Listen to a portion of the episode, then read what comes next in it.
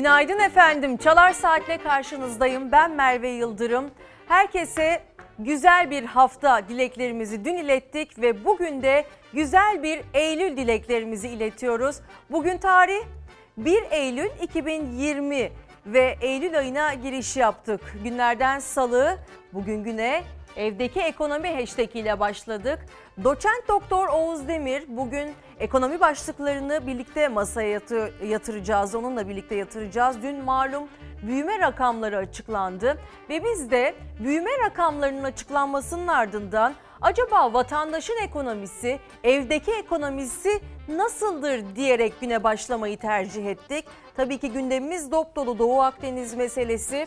Anıtkabir yankıları 30 Ağustos Zafer Bayramı'ndan kalan yeni tartışmalar ve tabii ki balık sezonunun başlaması.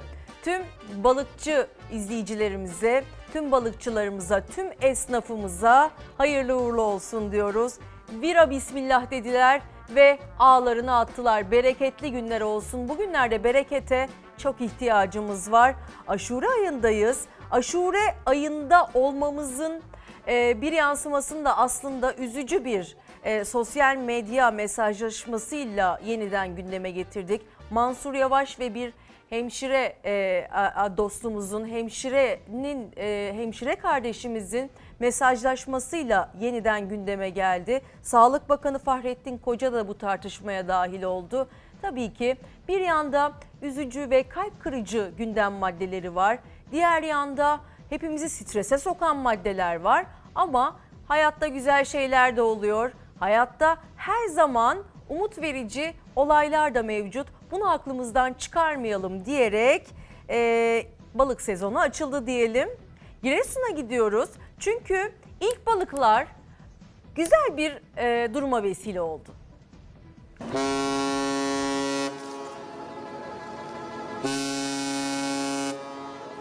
Bira bismillah diyerek inşallah bu sezon balığınız bol bereketli olsun diyorum. Ağlar pandemi korkusunun gölgesinde ilk kez atıldı. Av yasağı kalktı. Yeni balık sezonu Giresun'da Cumhurbaşkanı Recep Tayyip Erdoğan tarafından açıldı. Allah yar yardımcımız olsun inşallah. Kazalardan, belalardan muhafaza buyursun diyoruz. Ya Allah, Bismillah. Geçen sezon virüs nedeniyle erken kapatmıştı sezonu balıkçılar. Bu yıl belki de hiç beklemedikleri kadar heyecana beklediler 1 Eylül'ü. Dualarla, havai fişeklerle, sahilde onları uğurlayan sevdiklerinin umutlarıyla açıldılar denize. Tekirdağ'dan Ordu'ya, Muğla'dan Trabzon'a, İstanbul'a, Kocaeli'ye tüm deniz kıyısındaki iller taka ve teknelerin motor sesiyle çınladı gece. Giresun'daki törenlere ise gün boyu sel felaketinde zarar gören ilçeleri ziyaret eden Cumhurbaşkanı Erdoğan katıldı. Diyanet İşleri Başkanı Ali Erbaş'ın dua okuduğu törene pek çok bakanın yanı sıra balıkçılar ve vatandaşlar da katıldı. Ağımızı denize atarken o denizde evlatlarımızın ve gelecek kuşakların hakkı olduğunu asla unutmayacağız. Kaçak ve bilinçsiz avcılık gelecek nesillerin hakkını gasp etmektir. Cumhurbaşkanı Recep Tayyip Erdoğan'ın konuşmasının ardından Tarım ve Orman Bakanı Bekir Pakdemirli her yıl yapılan mezadı tekrarlamak için sahneye çıktı. Sel felaketinde zarar gören vatandaşlara destek amacıyla bir kasa balığı 10 bin liradan satışa çıkardı. Fiyat yükseldikçe yükseldi. İş adamı Cemil Kazancı tam 1 milyon 700 bine aldı kasayı. Gelenek olduğu üzere bereket için denize balık atan Erdoğan bir tekneden de telsizlerle diğer kaptanlara seslendi. Herkese hayırlı uğurlu olsun diyerek tekrar temennilerimizi iletmiş olalım efendim. Bu arada mesajlarınızı Merve İldirim TV, Twitter ve Instagram'dan e, ulaştırabilirsiniz. Evdeki ekonomi başlığıyla bugün güne başlıyoruz. 1 Eylül 2020 tarihinde en çok ekonomi başlıklarını konuşurken biz de bugün her ekonomi başlığına yer vermeye gayret edeceğiz. Gazetelerimizle başlayalım. En başta Milat gazetesinin manşeti gelsin. Kaşınma yorgo diyor Milat gazetesi. Doğu Akdeniz'de sürüp giden ve her geçen gün ipleri daha da geren Yunanistan ve Türkiye arasındaki e, enerji meselesine, doğal kaynaklar meselesine değiniyor. Kaşınma Yorgo, Avrupa Birliği'nin gazıyla Meis'e asker çıkaran Yunanistan sürprize hazır olsun. Rumlar silahsız olması gereken Meis adasına sivil tekneyle asker çıkardı. Uzmanlar batılı devletler Lozan ve Paris'i çiğneyen Yunanistan'ı durdursun yoksa Türkiye gerekeni yapar dedi. Türkiye'nin kararlı adımları her dakika devam ediyor ve yenileri eklenerek Yunanistan ülkemize 2 kilometre uzaklıkta yer alan ve silahlandırılması yasak olan Meis Adası'na asker sevkiyatı yaptı. Türkiye ise Akdeniz'de olası bir tehdide karşı teyakkuz halinde. Evet Avrupa, e, Avrupa, e, Amerika Birleşik Devletleri'nin devreye girebileceğinin üzerinde duruyor Profesör Doktor Nurşin Ateşoğlu. Güneybatılı e, güçler adaları silahlandırarak Lozan'ı ihlal eden Yunanistan'ı durdurmalı. Rum provokasyonlarına sessiz kalan Avrupa Birliği'nden umudumu kestim ama Avrupa Amerika Birleşik Devletleri devreye girebilir. Türkiye gerekeni yapıyor diplomatik olarak da cevap veriliyor dedi ve Avrupa Birliği'nin şımarttığı Yunanistan Meis adasına turist taşıyan feribotlarla asker çıkardı. 1923 tarihli Lozan'la 1947 Paris, Paris Barış Anlaşmalarını ihlal eden Rumlar 1960'tan beri silahlandırılması yasak adalara asker çıkarıyor. Bu adalarda artık Türkiye'nin gündeminde.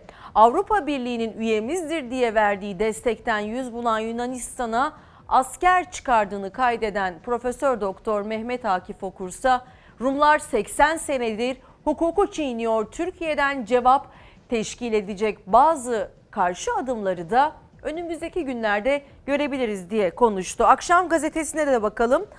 Antlaşmalar tartışmalı hale geldi diyor Akşam gazetesi ve devam ediyor. Yunanistan'ın Meis'e asker çıkararak Ege'deki 16 adanın gayri askeri statüsünü çiğne 15 16 e, adanın gayri askeri statüsünü çiğnememesi Lozan ve Paris anlaşmalarını sakatladı. Adaların statüsünü ve anlaşmaları tartışmaya açıldı.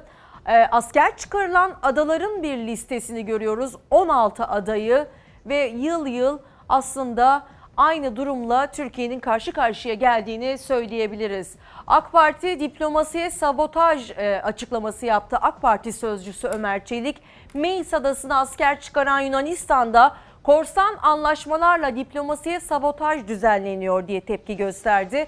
Fransa fırsatı buldu. Atina'ya uçak sattı. Fransa Türkiye'ye karşı işbirliği yaptı. Yunanistan'a 8'i hibe olmak üzere toplam 30 savaş uçağı satacak ve İtalya'nın adaları devri de sorunlu. Ee, tabii ki 16 adada Yunan askerinin olması ve Türkiye'nin revizyon isteyebilir e, olasılıkları da yeniden gündemde. Aydınlık gazetesinde ise küresel değiş, e, sistemi değiştirmek istiyorlar yorumunu görüyoruz aslında. E, hemen detaylara göz atalım. Avrupa Birliği Dış İlişkiler ve Güvenlik Temsilcisi Borrell'dan Türkiye, Rusya ve Çin açıklaması küresel dengenin değiştiğini, bu üç ülkenin de oyunun kurallarını değiştirmek istediğini söyledi ve ekledi. Türkiye ile te e, tehlikeli bir yüzleşme dinamiğinden çıkmamız gerekir dedi.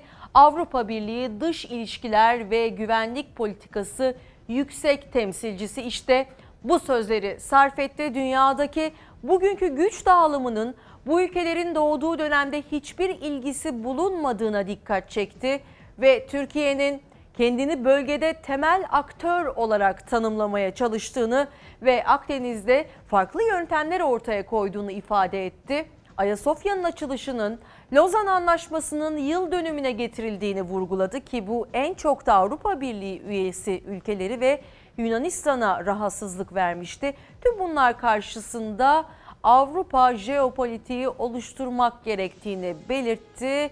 İşte açıklamaları bu yöndeydi. Peki haberin diğer detaylarında hangi başlıklar mevcut?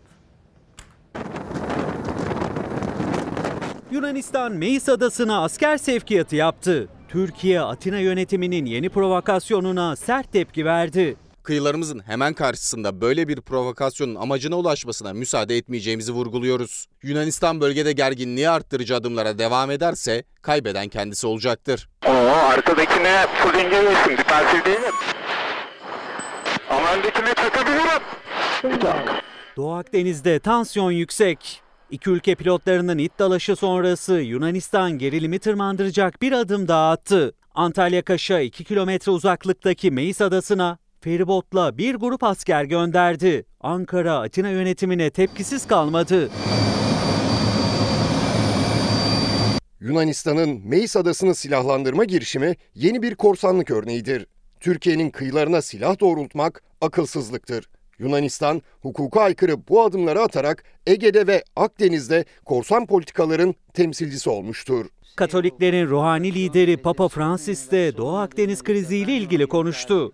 Bölge halklarının barışını tehdit eden anlaşmazlıkları diyalog ve uluslararası hukuk yoluyla çözmeye çağırdı. İletişim Başkanı Fahrettin Altun, Papa Francis'in açıklamasına yanıt verdi. Yunanistan'a Ege adalarını silahlandırmak ve Mavi Vatan üzerinde hak iddia etmek yerine uluslararası hukuka riayet etme çağrısı yaptı. Muhalefette Yunanistan'ın Meis adasına asker göndermesine karşı ses yükseltti. Meis Adası'nın silahlandırılması 1947 Paris Anlaşması'na açıkça aykırıdır. Yaşanan sürece baktığımızda Yunanistan'ın ülkemizi bölgede yalnızlaştırmak için elinden geleni yaptığını görüyoruz. Türkiye'den yükselen tepkiler sonrası Yunanistan Savunma Bakanlığı açıklama yaptı. Bakanlık Meis Adası'nın silahlandırılmadığını savundu. Muhafız gücünün nöbet değişimi yaptığını duyurdu. Doğu Akdeniz'de yaşanan gerginlikle ilgili Avrupa Birliği Komisyonu da devreye girdi. Komisyon sözcüsü Ankara'dan bölgede tek taraflı adımlardan kaçınmasını istedi. Diyalog çağrısı yaptı. Erdoğan dün yine Giresun'daydı ve yine e, Akdeniz ve Ege'de tırmanan gerilime dair önemli açıklamalar da yaptı. Oruç Reis gemimizde Doğu Akdeniz'deki sismik araştırma faaliyetlerini kararlılıkla sürdürüyor. İnşallah en kısa sürede Akdeniz'den de Karadeniz'deki gibi güzel haberler almayı ümit ediyoruz. Burada bir kez daha şu gerçeğin altını çizmek istiyorum.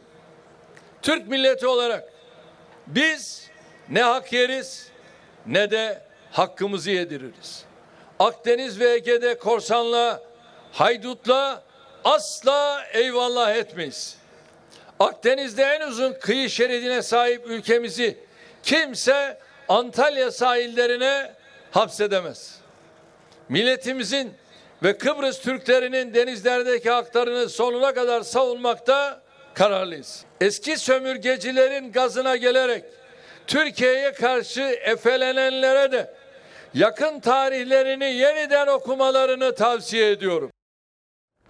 Yeni Birlik gazetesinden yine bir haber takip edelim. Federasyonda uzlaştılar. Rusya'nın davetlisi YPG, PKK ve sözde muhalifler federasyonda uzlaştılar. Terör örgütü YPG ve PKK ile Rusya'ya yakınlığıyla bilinen Suriyeli siyasi bir grup Moskova'da düzenledikleri toplantıda Suriye için federal yönetim öngören bir anlaşma yaptı.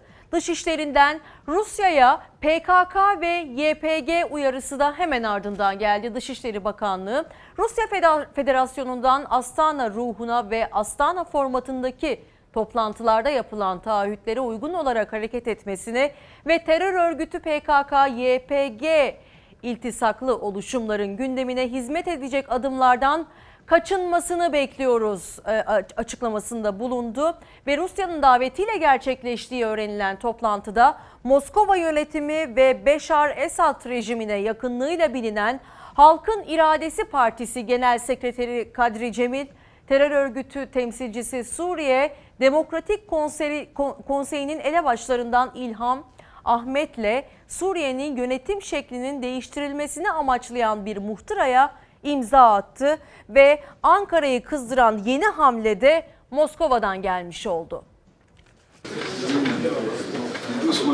Rusya terör örgütü PKK-YPG'ye bağlı Suriye Demokratik Konseyi'ne bağlı grubu ağırladı. Dışişleri Bakanlığı grubun Rus resmi bakanları tarafından kabul edilmesini kaygıyla karşılıyoruz açıklaması yaptı. Rusya terör örgütü PKK-YPG'nin güdümündeki Suriye Demokratik Konseyi'ne bağlı bir grubu ülkeye davet etti.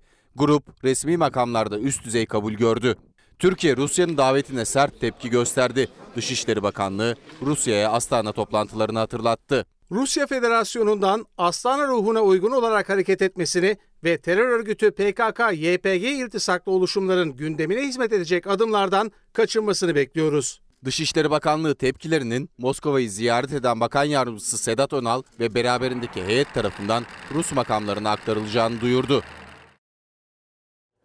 Sözcü gazetesinden 30 Ağustos Zafer Bayramı'nda Anıtkabir'de yaşanan ve sonrasında polemiklere sebep olan detayı göreceğiz. Sözcü gazetesi korona bahanesi başlığıyla karşımızda bu sabah. AKP'li 5 milletvekilinin vekilinin milli bayram alerjisi diyor. AKP'lilerin bayrama katılmamak için ileri sürdükleri virüs bahanesi temel atma töreninde katıldıklarından dolayı çöktü. Bugüne kadar milli bayramlara bahane üretip katılmayan AKP'lilerin foyası Balıkesir'de ortaya çıktı. Balıkesir'in 5 AKP'li vekiliyle il başkanı koronayı bahane edip kentteki 30 Ağustos törenlerine katılmadı. Oysa bu 5 vekil 3 gün önce temel atma törenine girmişti, gitmişti.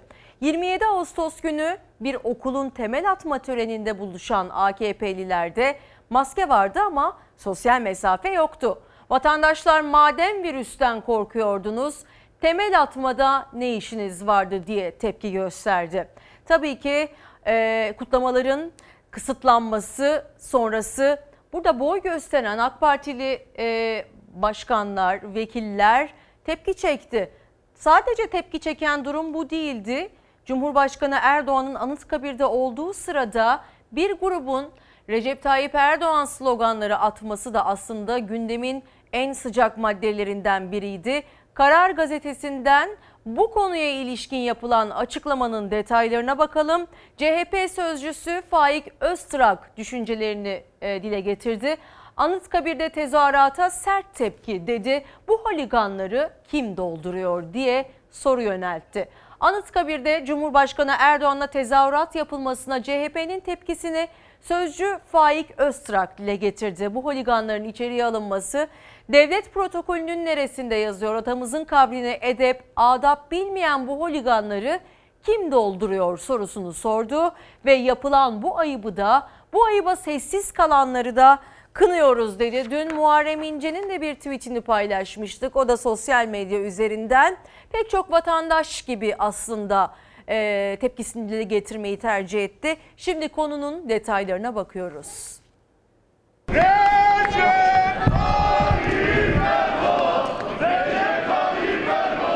Edep ve adaptan yoksun, kendini bilmez bir grup kabir ziyareti sırasında Erdoğan'a tezahürat yapıyor. Bu holiganların içeriye alınması devlet protokolünün hangi maddesinde yazıyor? Kim bunları seçiyor? Hangi müflis bezirgan siyasetçi bu saygısızlığı yaptırıyor? Bu artık kaçıncı ayıp? 30 Ağustos Zafer Bayramı'nın 98. yılı kutlamalarında Anıtkabir avlusuna alınan sivillerin slogan atmalarına da iktidarın sessiz kalmasına da muhalefet tepkili. Ulu Önder'in kabrinde daha önceki bayramlarda da ortaya çıkan görüntülerin tekrarlanmaması için CHP adım atmaya hazırlanıyor.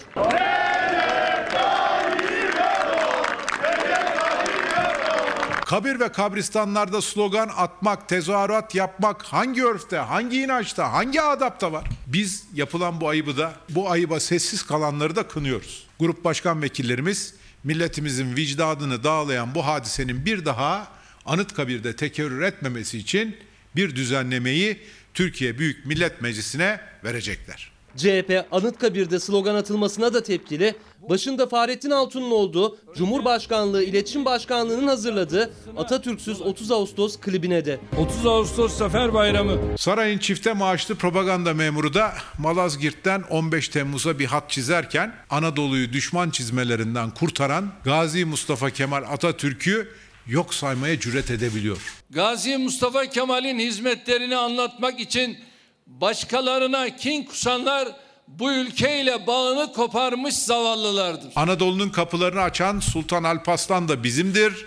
Anadolu'nun kapılarını emperyalistlerin yüzüne çarpan büyük önderimiz Gazi Mustafa Kemal Atatürk de bizimdir dedik. Zaferlerimiz arasında ayrım yapanların amacı 83 milyonun birliğine, kardeşliğine kastetmektir. Tarihimizi keşke Yunan galip gelseydi diyenlerden öğrenen bu siyasi zevat 15 Temmuz'u 29 Ekim'e Malazgirt'i başkomutanlık zaferine tercih eden bir zihniyete sahip. CHP sözcüsü 30 Ağustos kutlamalarının pandemi nedeniyle kısıtlanması üzerinden tepkisini sürdürürken hedefinde 15 Temmuz'un geçmişi kısa olduğu için erteleyemezdik diyen AK Parti Genel Başkan Yardımcısı Mahir Ünal da vardı. 15 Temmuz'u dördüncü senesinde kutlamamanızın e, toplumsal olarak başka sonuçları olur. Bu müflis bezirgan siyasetçiler için 98 yıl önceki 30 Ağustos zaferi pandemi nedeniyle kutlanamayacak kadar eski ama 949 yıl önceki Malazgirt zaferi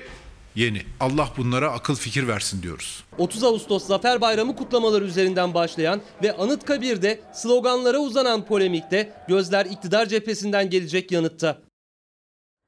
Musa Kahraman evdeki ekonomi yanıyor, mutfakta aşk yok, aş yok, sesimizi duyan da yok diyerek hashtagimizle alakalı düşüncelerini evdeki ekonomisinin durumunu anlatıyor. Sami Öz diyor ki ben bir balıkçı olarak bugün palamutla başladığımız yeni sezonumuz tüm Türkiye için hayırlı olsun derim. Deniz, denizlerimizi korumak, yasaklara uymak bizim borcumuzdur diyor. Önemli bir konuya parmak basıyor ki av yasağından da e, hemen ardından da av yasağının ardından da küçük balıklarında belli bir santimetre boyunun altındaki balıklarında avlanmaması gerektiğini ve yeniden denizlere salı verilmesi gerektiğini de bir kez daha hatırlatmış olalım. Evdeki ekonominin hiç de iyi olmadığı maalesef inkar edilemeyecek bir gerçek diyor Aysel Hanım.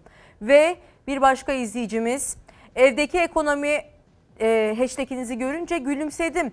Ama mutlu değil, acı bir gülümsemeydi bu. İşsizlik çukurundan çıkana kadar durum ne yazık ki böyle olacak diyor. Ve okulların kapalı olduğu bu dönemde anaokullarının açık olması ne kadar doğru acaba? Çevremde bu yaşta olan çocuklar yavaş yavaş anaokuluna gitmeye başladı. İyi çalışmalar diye sıkıntısını ve endişesini dile getiren bir başka izleyicimiz de var. Malum dün uzaktan eğitime başlanıldı ve 21 Eylül'de de eğer bilim kurulu üyeleri de onay verirse yeniden revize edilmezse 21 Eylül'de de yüz yüze eğitimlere başlanılacak. Tabii ki uzaktan eğitiminde 18 Eylül'e dek süreceğini de hatırlatmış olalım. Türkiye ekonomisi geçen yıla göre %9.9 küçüldü. Kişi başı milli gelir 11 yıl geriye gitti. Evdeki ekonomi nasıl olabilir sizce diye fikrini belirten izleyicilerimizden birinin de mesajını paylaşmış olayım. Evdeki ekonomi hashtag ile güne başladık. Merve İldirim TV Twitter ve Instagram'dan yazıyorsunuz mesajlarınızı okumaya devam ediyoruz efendim. 30 Ağustos Zafer Bayramı'nda bu defa Fener alayları coşkulu kutlamalar yoktu ancak bazı illerde kısıtlamaya rağmen halk kortejler oluşturdu. Polis de salgın gerekçesiyle müdahale etti. Kırşehir, Kırşehir'deki arbedede CHP'li bir vekil yaralandı. Hop hop hop. Ya nereye geliyorsun ya? Bir dakika bir dakika bir dakika. 30 Ağustos Zafer Bayramı'nın yıl dönümünde Fener alayları düzenlenecek, yürüyüşler yapılacaktı. Ama valiliklerden izin çıkmadı. Sebep salgındı ancak polis kortejleri durdurmaya çalışırken de sosyal mesafe korunamadı. Kırşehir'deki arbedede CHP'li vekil yaralandı. Hep beraber kutlamalıyız. Buradaki polis arkadaşların da, buradaki güvenlik güçlerinin de Atatürk'e bir borcu vardır. Ben burada bana tekme atan insana yazıklar olsun. CHP Kırşehir Milletvekili Metin İlhan Zafer Bayramı korteji için Kırşehirlilerle birlikte il meydanındaydı. Kalkanlı müdahalede iddiasına göre bekçilerin tekmelerinin hedefi oldu. Kaburgası çatladı. Ya milletvekili var kardeşim milletvekili var. Geri döndüm ve o arbedenin içine düştüm. Birkaç tane tekme, 3-4 tane yumruk sırtıma yedim. Elde edilen görüntülerin incelenmesi neticesinde polisin sayın vekile tekme attığına dair bir durum kesinlikle söz konusu değildir. Dolayısıyla tekme atıldığı iddiası mesnetsiz ve iftira niteliğinde bir iddiadan ibarettir. Kırşehir Valiliği yazılı açıklamayla CHP'li İlhan'ı yalanladı. Vekilse aldığı darp raporuyla iddiasının arkasında durdu. Direnç gösterdik. Onlar bize çok aşırı bir direnç gösterdi. Ve oradan arkadaşım bir tanesi dedi ki milletvekilimiz bırakın dedi. Arbede'ye dönüşmese de Balıkesir ve Mersin'de de yürüyüşlere valilikten izin yoktu. Polis müdahale etti. Bu kadar insan gelmiş. Bir yürüyüş yapacağız. Yapalım bu yürüyüşü. Etmemek adına biz bayraklarımızı alalım, maskelerimizi takalım, sosyal mesafeye uyalım ve yürüyelim.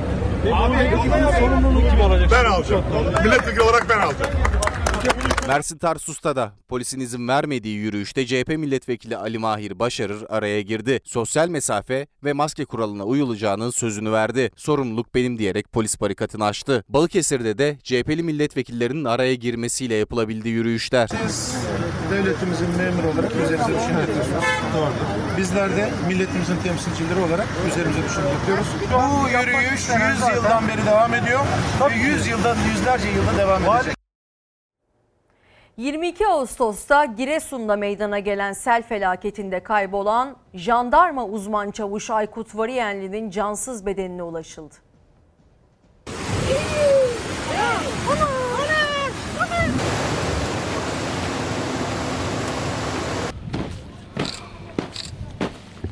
Bulunduğu araç menfeze düşmüştü. Giresun'daki sel felaketinin ardından günlerdir aranıyordu jandarma uzman çavuş Aykut Varinyenli. Kaybolduğu yerden 5 kilometre ötede cansız bedenine ulaşıldı. Şehit Varinyenli memleketi Adana'da sonsuzluğa uğurlanırken sel nedeniyle yaşamını yitirenlerin sayısı ona yükseldi. 5 kişi ise hala kayıp. Selam! Dur! İleri! Bak! 31 yaşındaydı şehit jandarma uzman çavuş Aykut Varinyenli. Son yolculuğuna Adana Tufanbeyli'de uğurlandı. Assubay olan kardeşi de Adanalılar da dualarla veda etti şehidine. Giresun'da biri asker, 5 kişiyi arama çalışmaları ise devam ediyor. Bir yandan da hayatın normale dönmesi için çaba sarf ediliyor. Cumhurbaşkanı Erdoğan da sel nedeniyle 361 binada ağır hasarın oluştuğu Giresun'daydı. Dere er veya geç selde yatağını bulur. İstediğiniz kadar oraya binalar yapın ama o sel geldiği zaman taşkın geldiğinde ne yapar? Yatağını bulur. Ve onun önünde hiçbir şey dayanamaz. Biz tutup bu dere yataklarını evlerle, iş yerleriyle, sair yapılarla işgal edersek gün geldiğinde sel gelir bunları da alıp götürür. Bu tür yerlerde dikey yapılaşma intiharla eşdeğer bir yanlıştır. Biz bu yaylaları betona boğarsak gün gelir hep birlikte bunun pişmanlığını da yaşarız. Erdoğan'ın sözlerinde öz eleştiri de vardı. Sadece Giresun ve yaşanan sel felaketi özelinde değil, başta İstanbul ve diğer illerde yapılan hataları da dile getirdi. Şu gerçeği kimse inkar edemez. Ülkemizde imar ve şehirleşme çalışmaları en başından itibaren sorunlu ve sıkıntılı şekilde yürümüştür. İlk düğme yanlış iliklendiğinde sonrakilerini düzeltmek ya hiç mümkün olmuyor ya da çok büyük bedel istiyor. Depremler bize yaptığımız işin yanlışlığını acı bir şekilde göstermiştir. Cumhurbaşkanı Erdoğan Giresun'da yeni konutların inşasına başlandığını duyurdu. Selden zarar gören esnafa müjde verdi, çay dağıttı. 50 bin liraya kadar olan zararlarının tamamı bu rakamı aşanların da 50 bin liralık kısmı TESKOMP aracılığıyla hibe olarak verilecektir.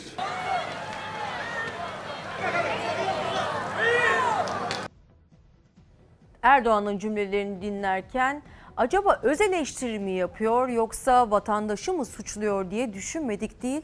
Ama e, hataların tabii ki sadece vatandaşa yıkılması hoş değil ki zaten doğru da değil. Belediye binası da selde sular altında kalmıştı. Dere yatağına belediye binası inşa edilmesi de herhalde Çevre ve Şehircilik Bakanlığı'nın onayı dışında gerçekleştirilmiş olamaz. Sizden gelen birkaç mesajı hemen paylaşmak istiyorum. Evdeki ekonomiye siz karar verin. milli eğitime bağlı okul güvenlikleri olarak okullarımızda çalıştık. Pandemi döneminde herkesin istifa ettiği en riskli alanlarda çalıştırıldık. 30 Haziran'da işimize son verildi ve şu anda 3 ay ve 24 ay kuralına takıldık. Başvuru yapamıyoruz diyor Fatma Çınar işsiz bir vatandaşımız. Bugün e, zabıta günüymüş. Pandemi sürecinde bir kez daha anlaşılan belediyelerde her türlü zorluğa göğüs gererek çalışan zabıtalarımızın zabıta günü kutlu olsun. Tüm zabıta çalışanlarımıza e, kazançlı yıllar diliyoruz. Belki biraz zor görünebilir şu anki ekonomik şartlarımıza baktığımızda ama en azından haklarını teslim edelim. İsmail Yemen hatırlattı. Hilmi Taşkın da diyor ki evin ekonomisi pek çok evin ekonomisi ve ilgilenenler ülkenin ekonomisiyle ilgilenenden çok daha başarılı bana kalırsa kıt olanaklarla harikalar yaratılıyor bu ülkede evdeki ekonomiye dair işte bu cümleyi bizimle paylaştı. Merve İldirim TV Twitter ve Instagram'dan yazıyorsunuz mesajlarınızı. Ee, şimdi bir ara vereceğiz ve sonrasında doçent doktor Oğuz Demir'le beraber tüm ekonomi başlıklarını masaya yatıracağız. Dün büyüme rakamları açıklandı ve büyüme rakamları üzerinden de bazı diyaloglar söz konusu. Özellikle sosyal medyada çok konuştuk. Sizin hanelerinizde acaba bütçeniz büyüdü mü, küçüldü mü? Bunu merak ediyoruz. Mesajlarınızı bekliyoruz. Bir reklam arası dönüşte tekrar buradayız efendim. Tekrar günaydın efendim. Çalar Saat devam ediyor. Ben Merve Yıldırım. Bugün sabahımıza evdeki ekonomi etiketiyle başladık ve 1 Eylül 2020'yi gösteriyor tarihler. Koronavirüs mücadelemiz tüm dünyada olduğu gibi ülkemizde de devam ediyor. Haydi bakalım tablomuza şimdi en başta. Dün açıklanan rakamlar ve bir gün öncesi yani 30-31 Ağustos tarihli iki tablo karşınızda. 30 Ağustos'ta vefat sayısı 42 iken 31 Ağustos'ta 44 vatandaşımızı kaybettik. İyileşen sayısı 30 Ağustos'ta 1027 idi ve iyileşen sayısı bir gün sonra 1087 oldu. Test sayısı 91.302 iken 31 Ağustos'ta daha fazla test yapıldı. 110.102 oldu. Hasta sayısı ne yazık ki dün itibariyle 1587 idi ve bir gün önce de 1482 idi. Hakikaten tablo ürkütücü ve koronavirüste işler çığırından çıkmak üzere. Gelen bilgiler ve çeşitli haberler de aslında doğrular nitelikte. Pek çok vatandaşımızdan da bu konuya dair gözlemlerini ve izlenimlerini de aktarıyoruz zaman zaman. Ama önce gazetedeki koronavirüs başlıklarına bakalım. Tedbirler taksit taksit geliyor diyor Karar Gazetesi. Salgın zincirinin yeniden canlandığı süreçte uzmanlar hızlı ve etkili önlem vurgusu yaparken tedbirler kademeli olarak sürüyor. Bazı illerde 65 yaşa sokak kısıtlamalarının ardından Ankara'da valilik kamuda esnek mesai başlattı ki geçtiğimiz hafta Ankara Büyükşehir Belediye Başkanı Mansur Yavaş Ankara'da durumun hiç iyi olmadığını açıklamıştı. Yine İstanbul Büyükşehir Belediye Başkanı Ekrem İmamoğlu İstanbul eşittir Türkiye geneli demişti. Yani İstanbul'da o kadar yüksek olduğunu söyledi ki vaka oranlarının bu Sağlık Bakanlığı'nın verileriyle örtüşmüyor'a getirdi sözü. Türkiye'de pozitif vaka yayılımının sürmesi endişeleri artırıyor. Covid'in celp işlemlerine etkisini anlatan Milli Savunma Bakanı Akar, Haziran celbinde 176 bin, Ağustos celbinde 43 bin kişiye test yapıldı. Bunlardan 1350'si pozitif çıktı dedi. İkinci pikle birlikte alınan önlemlere ise Ankara'da yenileri eklendi. Valilik kararıyla başkentte hamile ve kronik hastalığı olan kamu çalışanları da idari izinli sayılabilecek 10 yaştan küçük çocuğu olan kadın personel evden çalışacak, diğer personel dönüşümlü olarak işe gidecek. Bursa'da, İstanbul'da, Diyarbakır'da 3 fotoğraf karesi görüyoruz kalabalıkları yansıtan ve bu kalabalıklardan kaçamadığımız sürece de e, koronavirüsteki yükselişe e, tanıklık edeceğiz gibi bir manzara var karşımızda. Tabii ki tek kısıtlama bu değildi. Düğünlerde, sünnet düğünlerinde, çeşitli etkinliklerde de bazı kısıtlamalara gidildi geçtiğimiz hafta. Örneğin kapalı mekanlarda e, pek çok e, etkinliğe e, kısıtlama getirildi. Özür dilerim. Bir gün gazetesinden bir başka detay hastalara ilaç yok diyor. Vaka sayısı hızla tırmanırken Covid-19 tedavisinde kullanılan ilaçların temininde de güçlük yaşanıyor. Sağlık meslek örgütleri Covid-19 hastalarının günlerce ilaç beklediğini ve bu nedenle tedavilerinin aksadığını açıkladı. Ses Ankara Şubesi artan vaka sayısı nedeniyle bazı ilaçların temininde sorunlar yaşandığını, hastaların günlerce ilaç beklediğini açıkladı. Gelsin diğer gazetemizde. Bu arada hashtagimizi tekrar hatırlatmakta fayda var.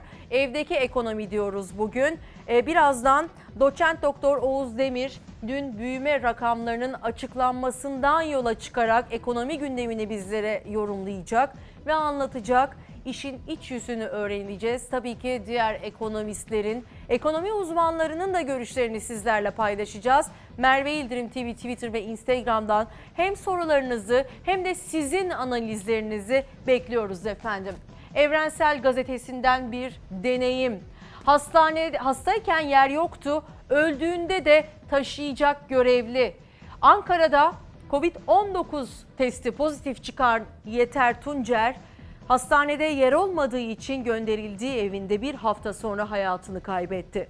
Tuncer'in cenazesini de yakınları kendi temin ettikleri koruyucu malzemelerle toprağa verdi. Babaannesini kaybeden Ersel Tuncer, bizim artık devletten, Sağlık Bakanlığı'ndan bir beklentimiz kalmadı dedi. Diyarbakır'da Ergani Devlet Hastanesi'nde koronavirüs servisinde temizlik görevlisi olarak çalışan Murat Yumruk, hastane yönetimine kronik hastalarına dair rapor vermesine rağmen pandemi servisinde çalıştırıldı.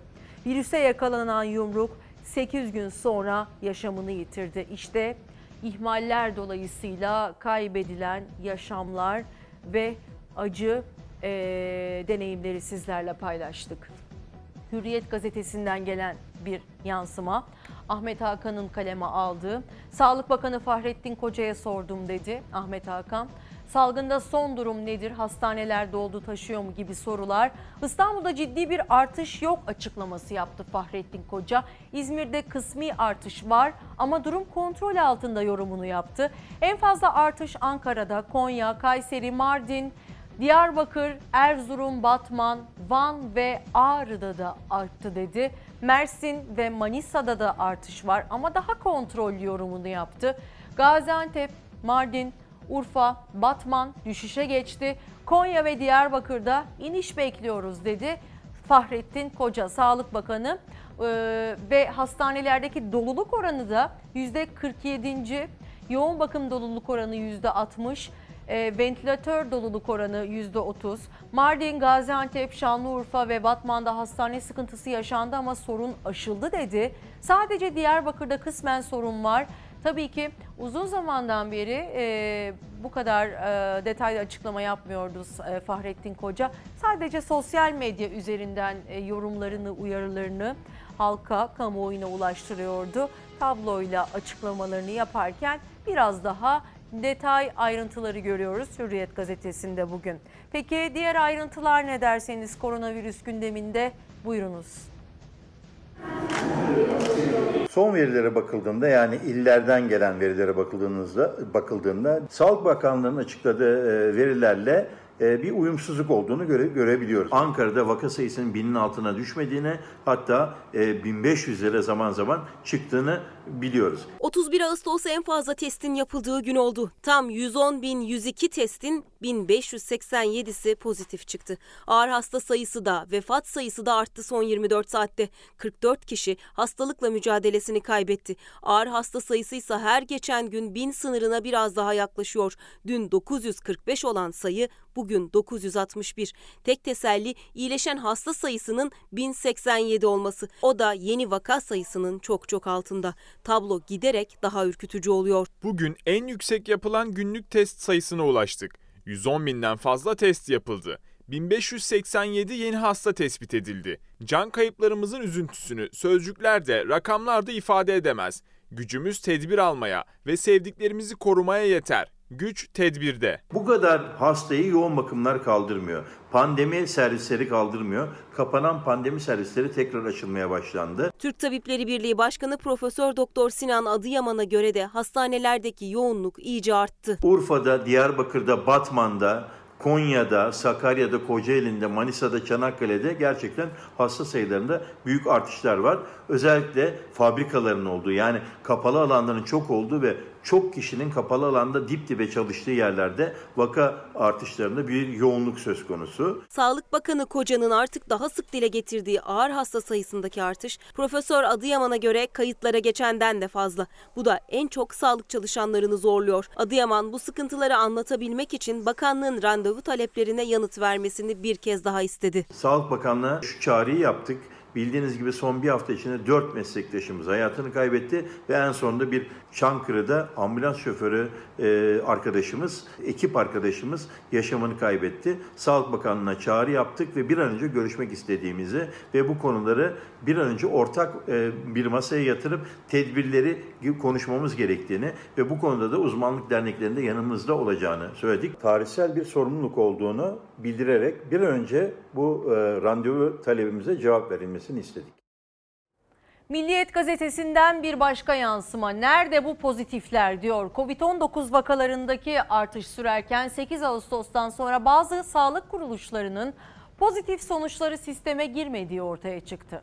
Bakanlık bu kuruluşları sert şekilde uyardı. Sağlık Bakanlığı tüm kuruluşlara gönderdiği yazıda filyasyon çalışmalarının etkili olarak yapılabilmesi için laboratuvar işlemlerinin bakanlığın halk sağlığı yönetim sistemi üzerinden test sonuçları girişinin de ilgili kuruluşça laboratuvar bilgi yönetim sistemi üzerinden yapılması gerektiği gerektiğini hatırlattı. Yetkileri alınacak yazıda 8 Ağustos'tan sonra bazı sağlık kuruluşlarının çalıştıkları e, test sonuçlarını sisteme e, kaydetmediklerinin tespit edildiği bildirildi ve bu kuruluşların test çalışma yetkisinin kaldırılacağı ve yasal işlem yapılacağı ifade edildi. Pozitif sonuçlarla ilgili sisteme giriş yapamama sorununun ağırlıklı olarak özel kuruluşlarda yaşandığı öğrenildi. Bir diğer gazetemizde gelsin. Hangisi geliyordu Savaş? Türkiye gazetesinden virüs şehre göç ediyor uyarısını görüyoruz. Anadolu'ya gidenler dönüşe geçti ki e, özellikle İstanbul gibi büyük bir şehirde bu trafiğin e, yoğunluğunu da gözlemleyebiliyoruz son birkaç gündür özellikle. Pazar gününden itibaren oldukça yoğun bir trafikle karşı karşıyayız İstanbul'da. Memleketine gidenlerin Anadolu'ya taşıdığı virüs yükü Eylül'de dönüşler başlayacağı için tekrar büyük şehirlere gelecek. Son dönemde İstanbul ve Marmara'da görülen düşük vaka sayıları Eylül sonuna, sonuna doğru tekrar artışa geçebilir. Anadolu'daki vakalarda birkaç hafta içinde sönümlenme beklentisi hakim ancak İstanbul, Kocaeli, Sakarya, Bursa ve Yalova gibi büyük şehirlerde 3-4 hafta sonra vaka artışları yaşanma ihtimali var ki zaten vaka artışlarının yer değiştiğine tanıklık ettik bu yaz sezonu boyunca. Yazlık beldelerde, Güneydoğu bölgesinde pek çok ilimizde vaka artışları oldukça yüksekti. Bir gazetemizden daha e, koronavirüs yansımasını takip edelim. Yeni Mesaj gazetesi Covid-19 ikincide daha ağır seyrediyor uyarısını yaptı. Amerika Birleşik Devletleri'nde iki kez koronavirüse yakalanan hasta üzerinde yapılan incelemede virüslerin genetik dizilimleri farklı çıktı. İnceleme aynı zamanda sağlıklı bireylerde bile hastalığın ilkinden daha ağır geçebileceğini de ortaya koydu. Yani aslında direnç kazanmıyor olduğumuz ortaya çıktı. Koronavirüsü atlatmış olabiliriz ama bir kez daha yakalanma riskiyle karşı karşıyayız ve bunu daha ağır atlatabiliriz. Dünyada da koronavirüs vakaları tırmanışta ve Dünya Sağlık Örgütü bir uyarı yaptı. Normalleşme felaket getirebilir dendi.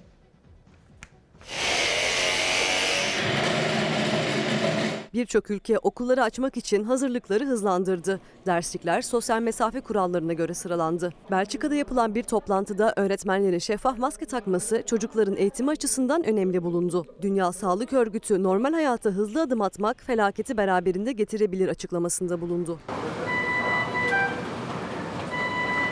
Koronavirüsün henüz dünyayı terk etmeye niyeti yok. Dünya genelinde vakalar 25 milyon 600 bini geçti. Can kayıpları 855 bine tırmandı. Hastalığı yenerek sağlığına kavuşanların sayısı 18 milyonu buldu.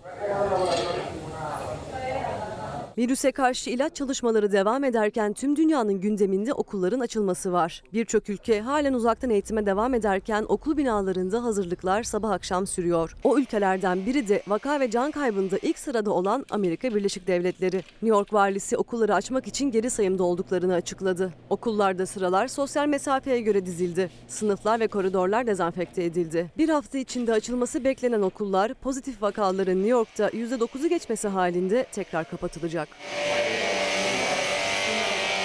Belçika'da öğretmenlerle yapılan bir toplantıda çözümler masaya yatırıldı. Öğretmenler de veliler de endişeli ancak eğitimin okul binalarında yapılması konusunda çoğu insan hemfikir. Ders sırasında maskeler çıkarılmayacak. Öğretmenlerin ise çocukların kelime telaffuzlarını görmesi açısından şeffaf maske takması isteniyor.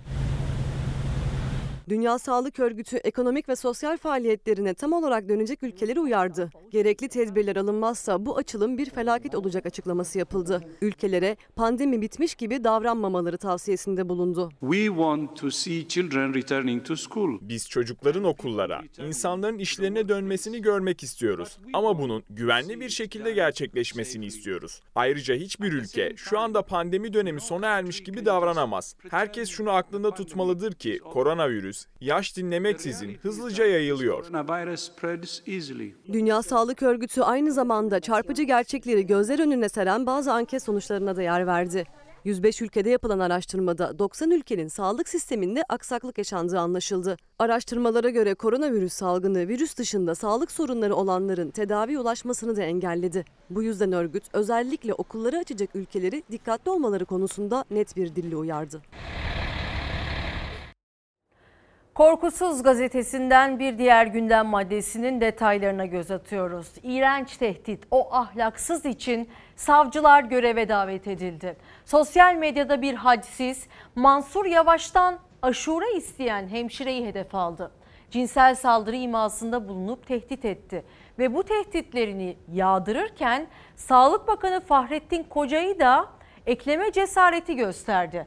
Bir diğer detayda bir diğer yorumda başka gazeteden gelsin. Karar gazetesiydi yanlış hatırlamıyorsam Sözcü gazetesi bu nasıl kafa diye yorumluyor. Sağlık çalışanını aşure yüzünden tehdit ettiler. Ankara Şehir Hastanesi'nde görevli Büşra hemşire Bakan Mansur Yavaş'tan aşure istedi. Bakın ne oldu.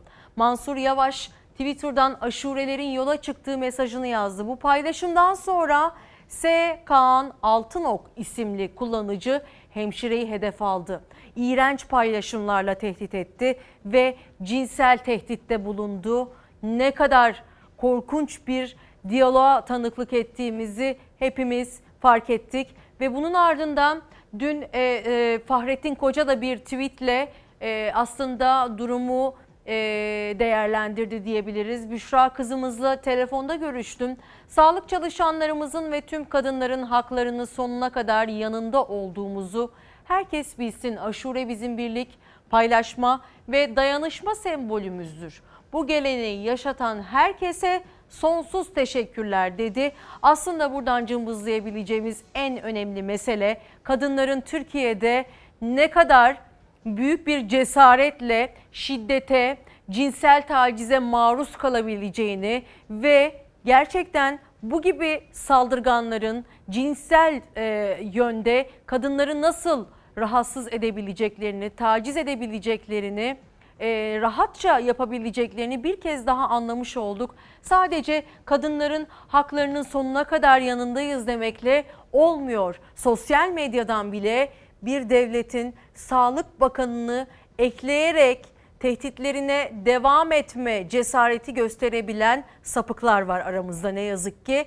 Bu e, korkunç insanlar için, bu suçlular için gerekenin daha net yapılmasını bir kadın olarak e, talep ediyorum buradan. Gözaltına alındı saldırgan ama sosyal medya olmasaydı eğer bu kadar ayyuka çıkmasaydı olay belki de böyle bir durum gerçekleşmeyecekti. Ki daha önce geçtiğimiz hafta bunun çok yakın bir örneğine tanıklık ettik. bir cinsel istismar suçundan tutuklanan bir sapık yeniden aramıza salındı. Bu kadar da net söylüyoruz sapık olduğunu. Kadınlar olarak bunu bir kez daha bütün kadınların sesi olarak duyurmak isterim efendim. İşte olayın ayrıntıları.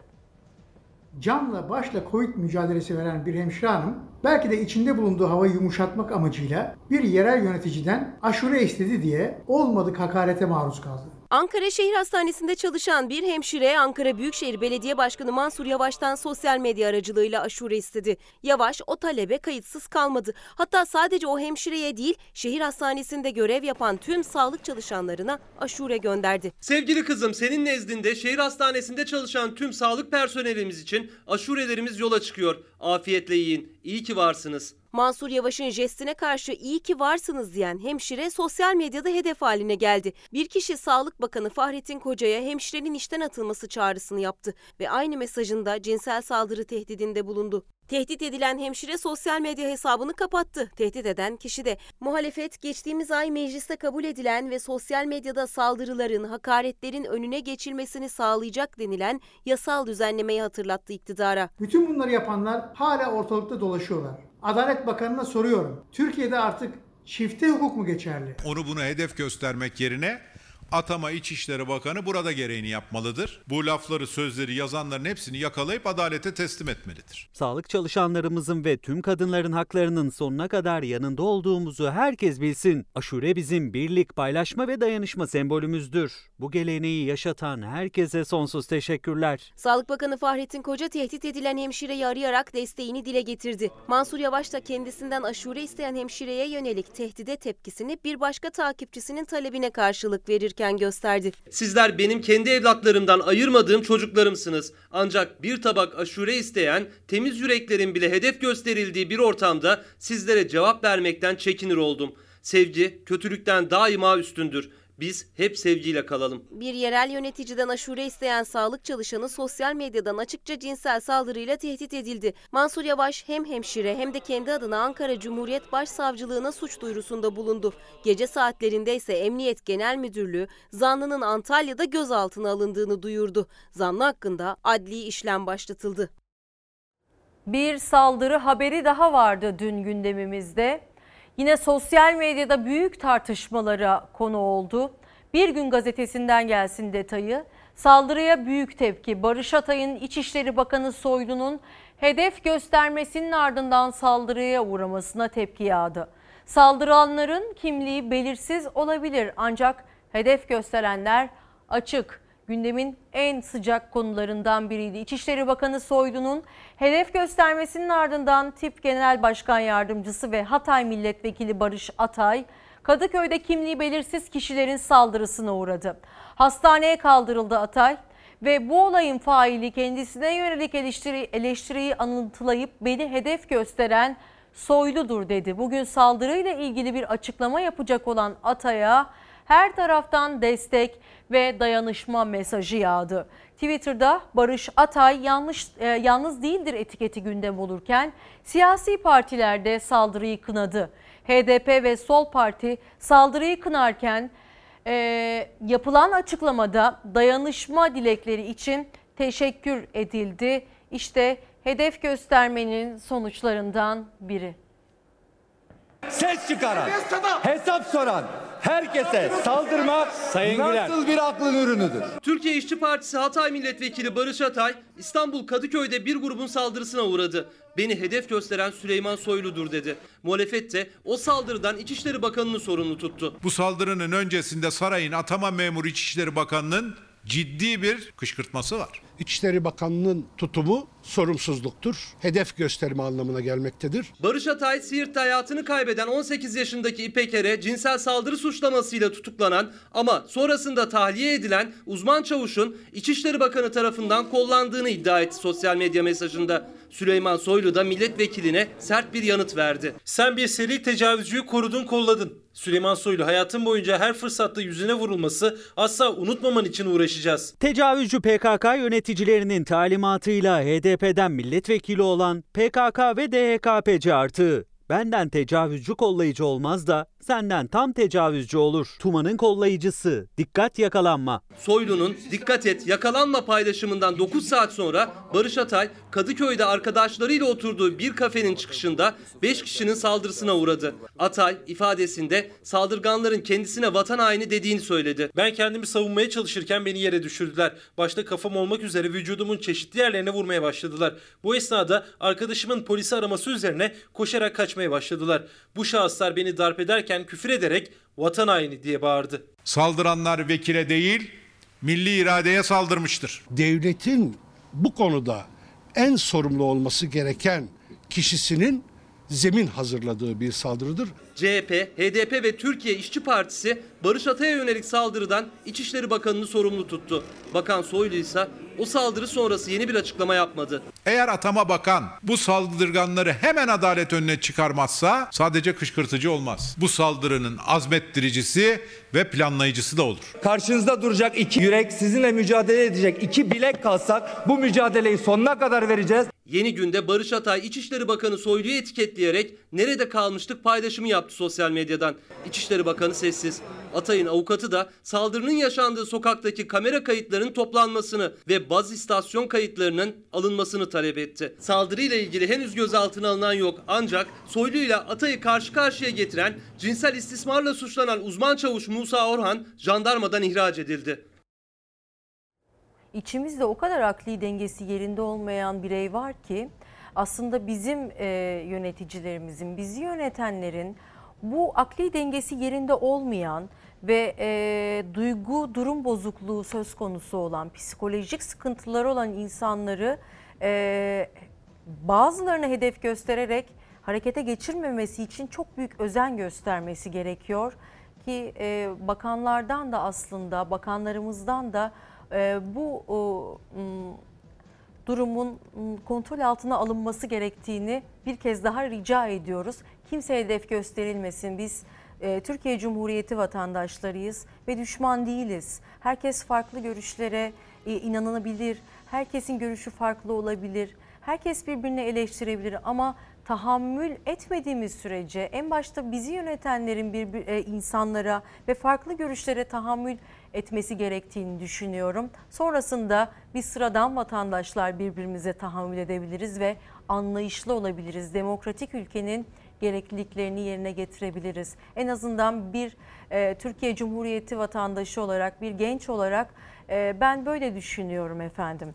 Şöyle ki koronavirüs gündeminde tabii ki bazı tedbirler alınıyor ama e, az önce de gazetelerimizden paylaştık. Acı tecrübelerle sonuçlanmasın bu durumlar.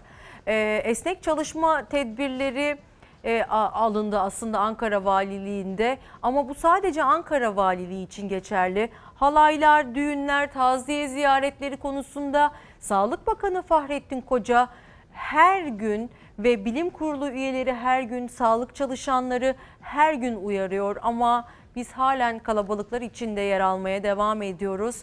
E, bu önlemler önlemleri dikkate almak zorundayız. Koronavirüs tırmanışta ve işler çığırından çıkmak e, üzere. O yüzden lütfen önlemleri e, dikkate alalım. E, çünkü acı tecrübeleri duydukça insan çok daha fazla tedirginlikler yaşıyor.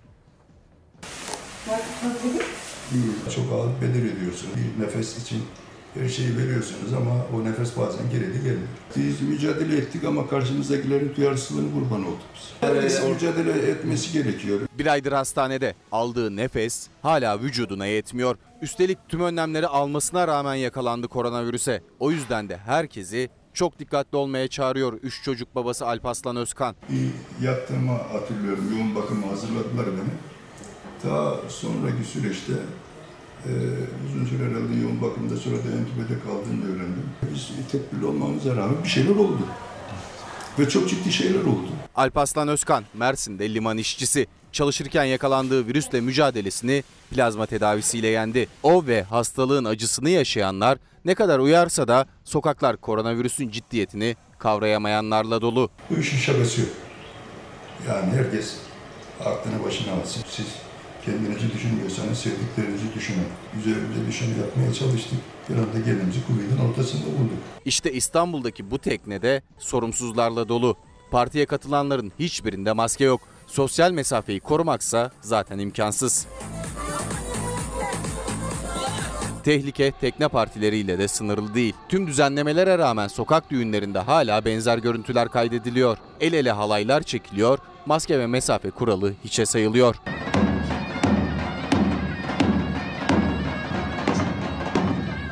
Salgının seyrini değiştirmek ve yayılma hızını azaltabilmek için Ankara Valiliği de örnek bir karara imza attı. Ama sadece kendi personeli için.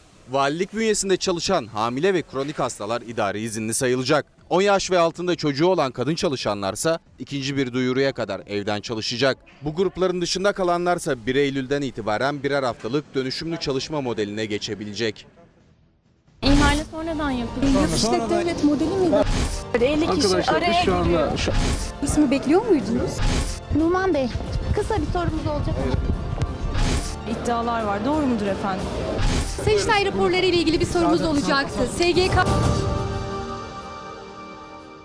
Havasına, suyuna, taşına, toprağına.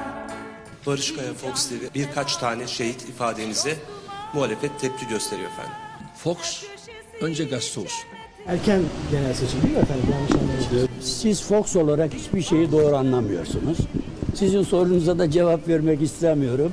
Usandırdınız artık. Beril Oğuz e, Fox televizyonundan Kırmızı Bülten'de aranan e, Abdullah Öcalan'ın kardeşi Osman Öcalan'ın devlet televizyonunda TRT'ye verdiği röportajı nasıl değerlendiriyorsunuz efendim?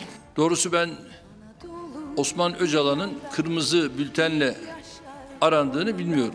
Haberciliğin birinci şartı soru sormak. Bir sorumuz olacak. Hayır, Proje hayır, okullarla hayır, ilgili. hayır, hayır, hayır, hayır, hayır. Biz de ona diyoruz ki Sayın Bakan evet evet evet evet projenin sınıfta kaldı. Veteriner yazıyor mu? Burada var mı veteriner? Veteriner şu an burada yok. El sıkışıyorsunuz. El sıkışmak yasak aslında. Cesaretle hiç vazgeçmeden. Sayın Bakanım, sevmeyen hasta. Müsaade edin şu toplantıyı Sayın Bakan, Sayıştay raporları ile ilgili bir sorumuz olacaktı. SGK raporu hazırlandı. Bir yanıtınız olacak mı? Bakanım, aklıma bir soru takıldı. Dünden beri çok yürürken ama. çalışma Bak şu anda kepçeler orada Tamam. duruyor. Fox habercileri yıllardır halkın merak ettiklerini halk adına sorabilmek için sahada. Şu anda, yaptığınız açıklamaya istinaden Sonra, e, sonra. yap işlet devlet modeli mi daha uygun otoyol ve köprüler için? Yok, bir dakika. Cevap veriyor bakan. Numan Bey, kısa bir sorumuz olacak. Kendisi şu anda bir soru- Beyefendi ne yapıyorsunuz? Ne yapıyorsunuz? Ne yapıyorsunuz? Kılıçdaroğlu'nun bana ismini aklındaki adı söylemişti dediğiniz isim. Yok esasında şimdi öyle bir şey yok da. Beşten sonra da alacaklar mı evrak? Bir onu sorar mısınız? Hanımefendi beşten sonra alınacak mı evrak? Hayır beşe kadar evrak alacak. Gerçekler ortaya çıktı. Duyulamayanlar, görülemeyenler Fox kamerası ve mikrofonuyla milyonlara ulaştı. Uzaksa işi karıştıracağız en azından kapattım böyle. Kars'ta kanser hastaları da mağdur. Kars'tan Bursa, 6 ayda bir Bursa'ya götürüyorum. Yaptığım haberleri de yayınlayabilecek özgür ve cesur bir haber merkezinde Doğan Şentürk yönetimindeki Fox Haber'de çalıştığım için de ayrıca çok şanslıyım. Bir sorumuz olacaktı bizim. Geçtiğimiz günlerde Et Süt Kurumu bir ihale açtı. Bir gün süreyle 300 liralık bir et. Çok özür dilerim. Çok güzel, çok üzüldüm Sayın Bakanım. Ay bakan dinlerken araya giriyorsunuz. Bunlar çok ıvır zıvır işler. 100 bin liralık ihale. Ne olacak? Ama ihale sonradan yapıldı diye. Sonradan yapılsa ne olur? Bu sizin yaptığınız gazetecilik değil maskaralıktır. Fox Haber deneyimli, cesur, vicdanlı, bağımsız kadrosuyla ve Türk halkından aldığı güçle perdeleri açmaya devam ediyor. En büyük ödülün gerçeklerin ortaya çıkması olduğunu bilerek ilkelerinden hiç vazgeçmeyerek Onu terör örgütü olarak da görmüyorsunuz. Şimdi bu klişe soruları bence Evet. bir tarafa bırakalım. Siz bunu okuduğunuzda doğrudur dediniz mi? Evet. Yani Erdoğan şunu çağırmıştır, bununla görüşmüştür. Yok yani özel bir tahminde bulunmak istemiyorum ama doğrudur yani. Ben Selçuk Tepeli. Fox Ana Haber'de haberin kalbindeyiz. Hafta içi her akşam 19'da Fox Ana Haber'de beraberiz. Buradayız. Vicdanınızın sesiyiz. Aklınızdakileri soruyoruz. Her söylenene inanmıyoruz. Acaba diyoruz, sorguluyoruz. Kimseden korkmuyoruz, kimseden çekinmiyoruz, saklamıyoruz. Haberciyiz, işimizi yapıyoruz.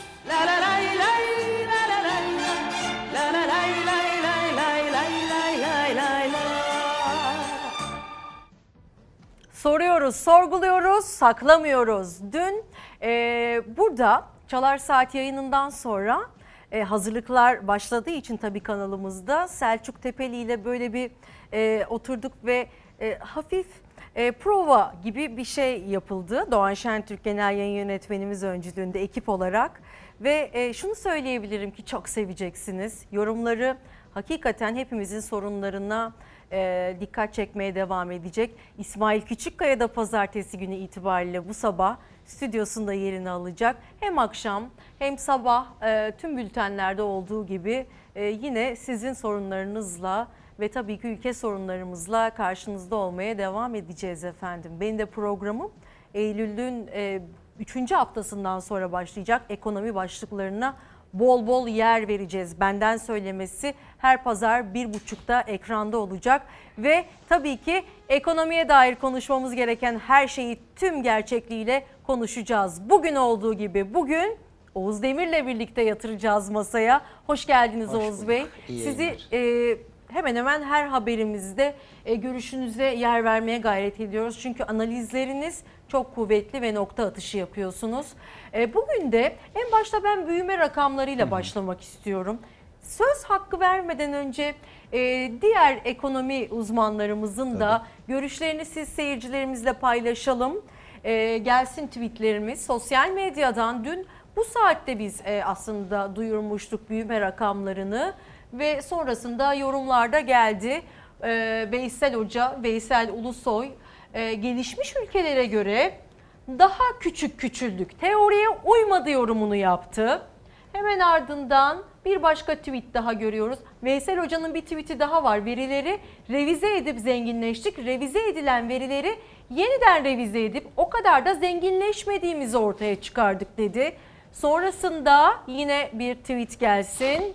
Uğur Gürses, Türkiye ekonomisi ikinci çeyrekte önceki çeyreğe göre %11 küçüldü. Amerika Birleşik Devletleri %9.1, Almanya %9.8, G7 %10.5, AB eksi 27 %11.7, OECD toplamı ise %9.8 küçüldü. Bakansa bu sayılardan nasıl olduysa başarı çıkardı dedi. İstatistik okur yazarlığı şart yorumunu yaptı ve diğer tweetimizde gelsin. Sevgili Meliha Okur kendine has tarzıyla durumu değerlendirdi. Günaydın Türkiye'm %9.9 küçüldük 10 değil çarşı pazar yanıyor işsizlik diz boyu ikiz açık alarm veriyor iyiyiz yani dedi ve tırmanmaya da devam eden bir fotoğrafıyla aslında durumun özetini bizlere yansıtmış oldu. Peki bir Buradan- mesajımız daha Aha. varmış. Ozan Bilgöl. Hayır bunu birazdan okuyacağız ÖTV'de. Ben hemen Melih Hanım'ın tırmanmasına atıfta bulunarak... Tırmanıyor muyuz? Aşağı doğru gidiyoruz. Öyle mi? Yokuş e tabii. aşağı. Yani şimdi %10'a yakın 9.9 daralıyoruz değil mi? Ee, bir taraftan da diyoruz ki bakın dünya çok daraldı biz daha az daraldık diyoruz. Yani büyüme rakamları değil aslında küçülme rakamlarını Evet. konuşuyoruz. Şimdi böyle bir şey e, şu şunun gibi yani dışarıdaki daha kötü durumda biz biraz daha az kötü durumdayız demek yerine Evet. biz neden daha biz neden 9.9 küçüldük? Neyi eksik yaptık? Yani asıl yapılması gereken şey tek tek bunların fotoğrafını çekmek. Şimdi ne oldu? Mesela tarım sektörü %4 büyümüş o rakamlara baktığımızda. Tarım sektörü dışındaki hemen hemen bir de finans büyümüş %27. Yani para işleri ki biliyorsunuz e, pandemi dönemine denk gelen büyüme rakamları bunlar. Finans büyümüş, geri kalan her şey küçülmüş. İmalat sanayi küçülmüş, hizmetler sektörü, perakende, ulaştırma, turizm hepsi küçülmüş. Yani diyeceksiniz ki e dünyada da küçülüyor hocam. O zaman bizde yani bizde de küçülüyor. Tabii ki olağanüstü bir dönem geçirdiğimiz için bir daralma normal. Önemli olan bu daral, daralmayı dünyayla karşılaştırıp ve biz daha az küçüldük hadi sevinelim demek değil. Hı hı. Önemli olan bu küçülmeden çok fazla zarar gören yerler var. Oralara odaklanmak. Odaklanalım mı bir haber Olur. sonra? Tabii. Bir de ben şunu merak ediyorum. Büyüme mi iyi, küçülme, küçülme mi iyi? Çünkü hepsi müjde olarak duyuruluyor ülkemizde. evet yani Onu da soracağım küçülmenin size. müjdesi yok ama. Peki o zaman e, sevgili izleyicilerimiz en başta e, dün açıklanan büyüme rakamlarına dair derlemiş olduğumuz e, haberi sizlerle paylaşalım. Hazine ve Maliye Bakanı Berat Albayrak diğer ülkelere kıyasla Türkiye ekonomisindeki küçülme iyi seviyede dedi ve tabii ki bu da tartışmalara sebep oldu. Önce haberi izliyoruz sonrasında soruları yanıtlıyoruz. Türkiye ekonomisi önceki yılın aynı çeyreğine göre %9,9 küçülmüş. Sosyete damat ekonomiyi öğrensin diye koskoca ülkeyi adeta deneme tahtasına çevirdiler. Kötümser tabloların aksine gayri safi yurt içi hasıla oranımız dünya ülkelerine kıyasla iyi bir sonuç verdi. Artık kimse sadece damat bakana yüklenmesin. O kendi kabahatini, vebalini zaten üzerinde taşıyor ama onu oraya getiren Sayın Erdoğan'dır. Büyüme rakamlarının açıklandığı gün hem Cumhurbaşkanı hem de Hazine ve Maliye Bakanı Berat Albayrak muhalefetin hedefindeydi. Türkiye ekonomisi 2020 yılının ikinci çeyreğinde yani pandeminin en çok hissedilmeye başladığı dönemde %9,9 küçüldü. Aynı AVM etiketi gibi %10 dememek için %9,9 küçüldük demişler. Dünya ekonomilerini durma noktasına getiren yüzyılın felaketi pandeminin etkilerini ikinci çeyrekte hissedeceğimizi biliyorduk. Türkiye ekonomisinin temelleri sağlam, dinamikleri kuvvetli. 2020'nin ikinci 3 ayı itibariyle milli gelirimiz 743 milyar dolara düşmüş. Bu 2010 yılının 3. çeyreğinden bu yana yani son 10 yılın en düşük milli gelir seviyesi. Türkiye İstatistik Kurumu %9,9 küçülme açıkladı ama muhalefet bu rakamı da inandırıcı bulmadı. Daralmanın daha yüksek olduğunu söyledi. Hazine ve Maliye Bakanı Berat Albayrak ise Amerika, Almanya gibi ülkelerin ekonomilerindeki küçülmelerin Türkiye'den kat kat fazla olduğunu söyleyerek iyi noktada izledi. Milli ekonomi hedefleri istihdama dayalı üretim, vatandaşın yanında olan bir ekonomi modeliyle yılı pozitif ayrışarak kapatacağız inşallah. Maliye Bakanı bu işi bilmiyor. Her ay bir önceki aydan daha iyi olacak demişti. Her günümüz bir önceki günümüzü aratır hale geldi. 2021'e pandeminin izlerini silerek girmekte kararlıyız. İnşallah V çıkışı gayri safi yurt içi hasıla verilerinde de göreceğiz. Türkiye'nin %50'si 2500 liranın altında ücret alıyor. Bunu aynı anda 4-5 yerden huzur hakkı alanlar anlayamazlar. Muhalefet ekonomideki daralmayı, Merkez Bankası rezervindeki azalmayı, milli gelirdeki düşüşü işaret ederek iktidara yüklenirken 30 Ağustos'ta resmi tatil günü yapılan ÖTV düzenlemesini de eleştirdi. Almanya kıyaslamasıyla. Türkiye'de kendi sınıfında en çok satan ve 1500 cc motoru olan bir araç. Almanya'da bugün satış fiyatı 33.859 avro. Aynı araç Türkiye'de bugün zaten 295 bin lira ediyor. Bir de bunun üzerine %80 ÖTV'yi ekleyip %18 KDV'yi de koyalım. Aracın Türkiye'deki satış fiyatı 627.111 liraya çıkıyor. Yani vatandaş bir araba kendine alırsa bir tane de saraya alacak. Karar gazetesinin manşetinde Türkiye küçüldü, faiz lobisi büyüdü diyor. Tabii ki resmi rakamlara göre %9.9 küçülmesi bütün gazetelerinde manşetinde. Manşet. Ama habere gitmeden şu soruyu en çok merak etmiştim. Ee, büyüme rakamlarına baktığımızda büyüme mi müjde, küçülme mi müjde? Hepsi bize müjde olarak sunuluyor Oğuz Bey. Hangisi müjdedir? Vatandaşımız da öğrensin. İki, iki şey hızlıca şöyle söyleyeyim. Hı. Bir pasta düşünelim değil mi? Peki. Şimdi bu pasta büyüme dediğimizde bu pasta daha çok oluyor. Küçülme dediğimizde bu pasta küçülüyor. Biz bir süre bir süredir zaten bu pastanın tadını pek sevmiyorduk. Hı hı. Şimdi o pasta zaten tadı kötüyken daha da küçülmeye başladı. Yani kötü pastadan da daha az yediğimizi düşünün. Şimdi diyeceksiniz ki kötü pastadan az yemek iyi bir şeydir. Ya da alternatifi aç kalmaksa değildir. Şimdi biz 3 aydır yani işsiz sayımız mesela şu pandemi dönemiyle beraber ist, yani işsiz, işsizliğimiz artmadı ama istihdamımız düştü. Yaklaşık bir buçuk milyon insan gelirinden olmuş durumda. Hı hı. Ee, 2,5-3 milyon insan ya maaşı azaldı ya 1000 liraya mahkum kaldı. Şimdi burada büyümenin rakamı 10'u, 5'i, 7'si bunların hepsi bir kenara. Yani küçüldük, büyüdük, bütün dünya küçüldü, biz de küçüldük. Olağanüstü şartlar vardı, olabilirdi. Yani burada tolere edilebilecek şey şu. Türkiye ekonomisi küçülebilirdi. Evet Sayın Bakan dediği gibi bütün dünya küçülüyor. Biz de küçülebilirdik. Mesele şuydu. Biz o ülkeler gibi bu küçülme döneminde en azından devletin eliyle küçülmenin sonucunda zarar gören insanlara destek olabildik mi? Gelir yaratabildik mi? Hayatlarını idame ettirebilecek işi, mesleği sunabildik mi? Bunların eğer cevabını vatandaş evet olarak veriyorsa eyvallah ki küçülmemiz müjde. Tamam. Ama ben görüyorum ki birçok insan şu an bu, bu dönemde fiyatların yüksekliğinden, gelirin düşüklüğünden, kaybettiği işinden bulamadığı, işsiz kaldığı yıllardan bahsediyor. Demek ki burada artık müjdelenecek herhangi bir şey kalmadı. Buradaki sorun şu, bir an evvel öyle bakın devletin harcamaları, büyüme rakamlı, rakamlarından bahsediyoruz. Devlet harcamaları her sene büyürken, her sene büyümeye çok ciddi katkı sağlarken Bu sene binde 8 azalmış durumda. Bizim en çok devletin harcamasına ihtiyaç duyduğumuz dönem bu dönem değil mi? Yani hep söyleniyor işte 40 yıldır devlete vergi ödeyen esnafı, berberi, lokantasına 3 ay, 4 ay biz destek veremedik. Karşılaştırdığınız Almanya Mesela eğer şimdi Almanya rakamları verildiği için söylüyorum. O koca koca ülkeler de küçüldü deniyor ya. O Almanya küçülürken esnafına para verdi. Çalışamayan insanına para verdi. İtalya öyle. Amerika bile hani bu devleti şey olan e, pek sosyal devlet olmayan daha kapitalist bir devlet olan Amerika bile çekler yolladı. Biz 6 milyar lira bütçeden insanlara para verebildik. Bunun dışında işsizlik sigortasına yüklendik. İşsizlik sigortası da zaten sizin benim çalışırken bu durumlara düşeceğimiz zaman kullanacağımız paraydı.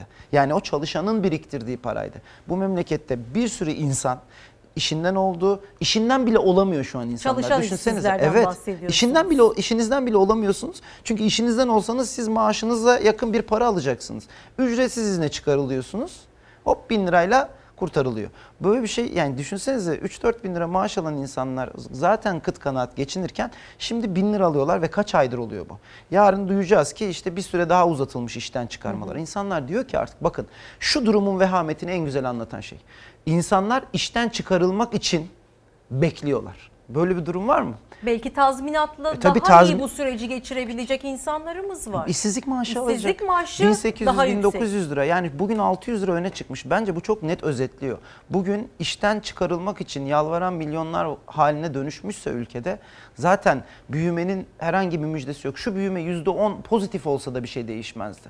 Yani o rakamlar bir şey ifade etmiyor. Gerçekle birleştiği zaman anlamlı hale geliyor. Ve %9.9 küçülmüşüz. Dünyadan daha az küçüldük. Ne yapmamız bekleniyor? Mesela hep beraber aa yaşasın falan mı? İnsanların öyle bir hali kalmadı artık. Ve bu e, hayat pahalılığıyla beraber iki gün sonra enflasyon açıklanacak. Bugün bir sendika son bir yıl içerisinde yıl- ortalama fiyatlara göre gıdanın %30 arttığını söylüyor. Bırakın insanların ücretlerinin %30 artmasını insanlar maaşlarından oldular. İşlerinden olamadılar bile ki işsizlik maaşı alsınlar. Yani böyle bir ortamla karşı karşıyayız. Bunun çözümü var. Türkiye bütün bunların üstesinden gelebilecek bir ülke. Ama önce sorunları kabul etmek ve müjde vermek yerine sorunlarımız var bizim ey halk, ey ahali ve bunları beraber çözebiliriz. Herkes şuradan fedakarlık yapacak demek lazım. Ama şunu söyleyeyim her şey çok güzel ama fedakarlık yap. Ama daha fazla vergi öde. Ama arabada arabaya binme. Ama gıda tüketimini azalt derseniz insanlar şunu sormaya başlar. Ben bu fedakarlığı her şey iyiyse neden yapıyorum? Yani bu soruya yanıt vermek zorunda yöneticiler. Veremiyorlarsa o zaman işte biz burada rakamları konuşuyoruz. İşte inşaat şu, turizm, işte milyonlarca insan orada kaldı. E şimdi mesela çok başka bir şey yapıyoruz. Hep kısa vadeli düşünüyoruz. Bu sene 2-3 milyon turist gelsin de birazcık hareket olsun diye belki önümüzdeki seneden vazgeçtik biz. Neden? Çünkü gelen insanlar burada test yapılmıyor, dikkat edilmiyor. İşte bir sürü görüntü gösteriyoruz vatandaşın içinde bulundu. E bu seneye burada böyle bir haber çıkarsa insanlar bu salgın inşallah devam etmez ama seneye de endişe verici bir durumda olursak neden gelsin? Belki daha planlı programlı yapacağımız ve daha fazla insanın geleceği bir ortam ve belki o işlerin devam edeceği bir ortam vardı. Şimdi o, o da gitti. İnşaat daralmış. Bir miktar işte stoğa üretim yapılmış. O, o biraz şey yapıyor ama dönüp bakıyorsunuz yatırım yok.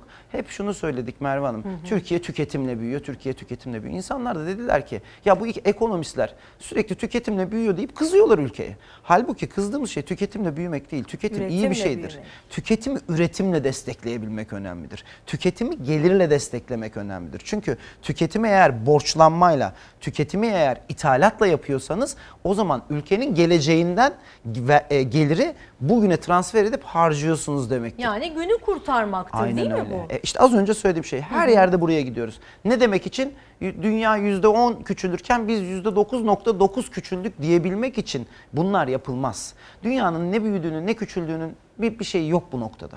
Önemli Evet. olan biz ne yaptık?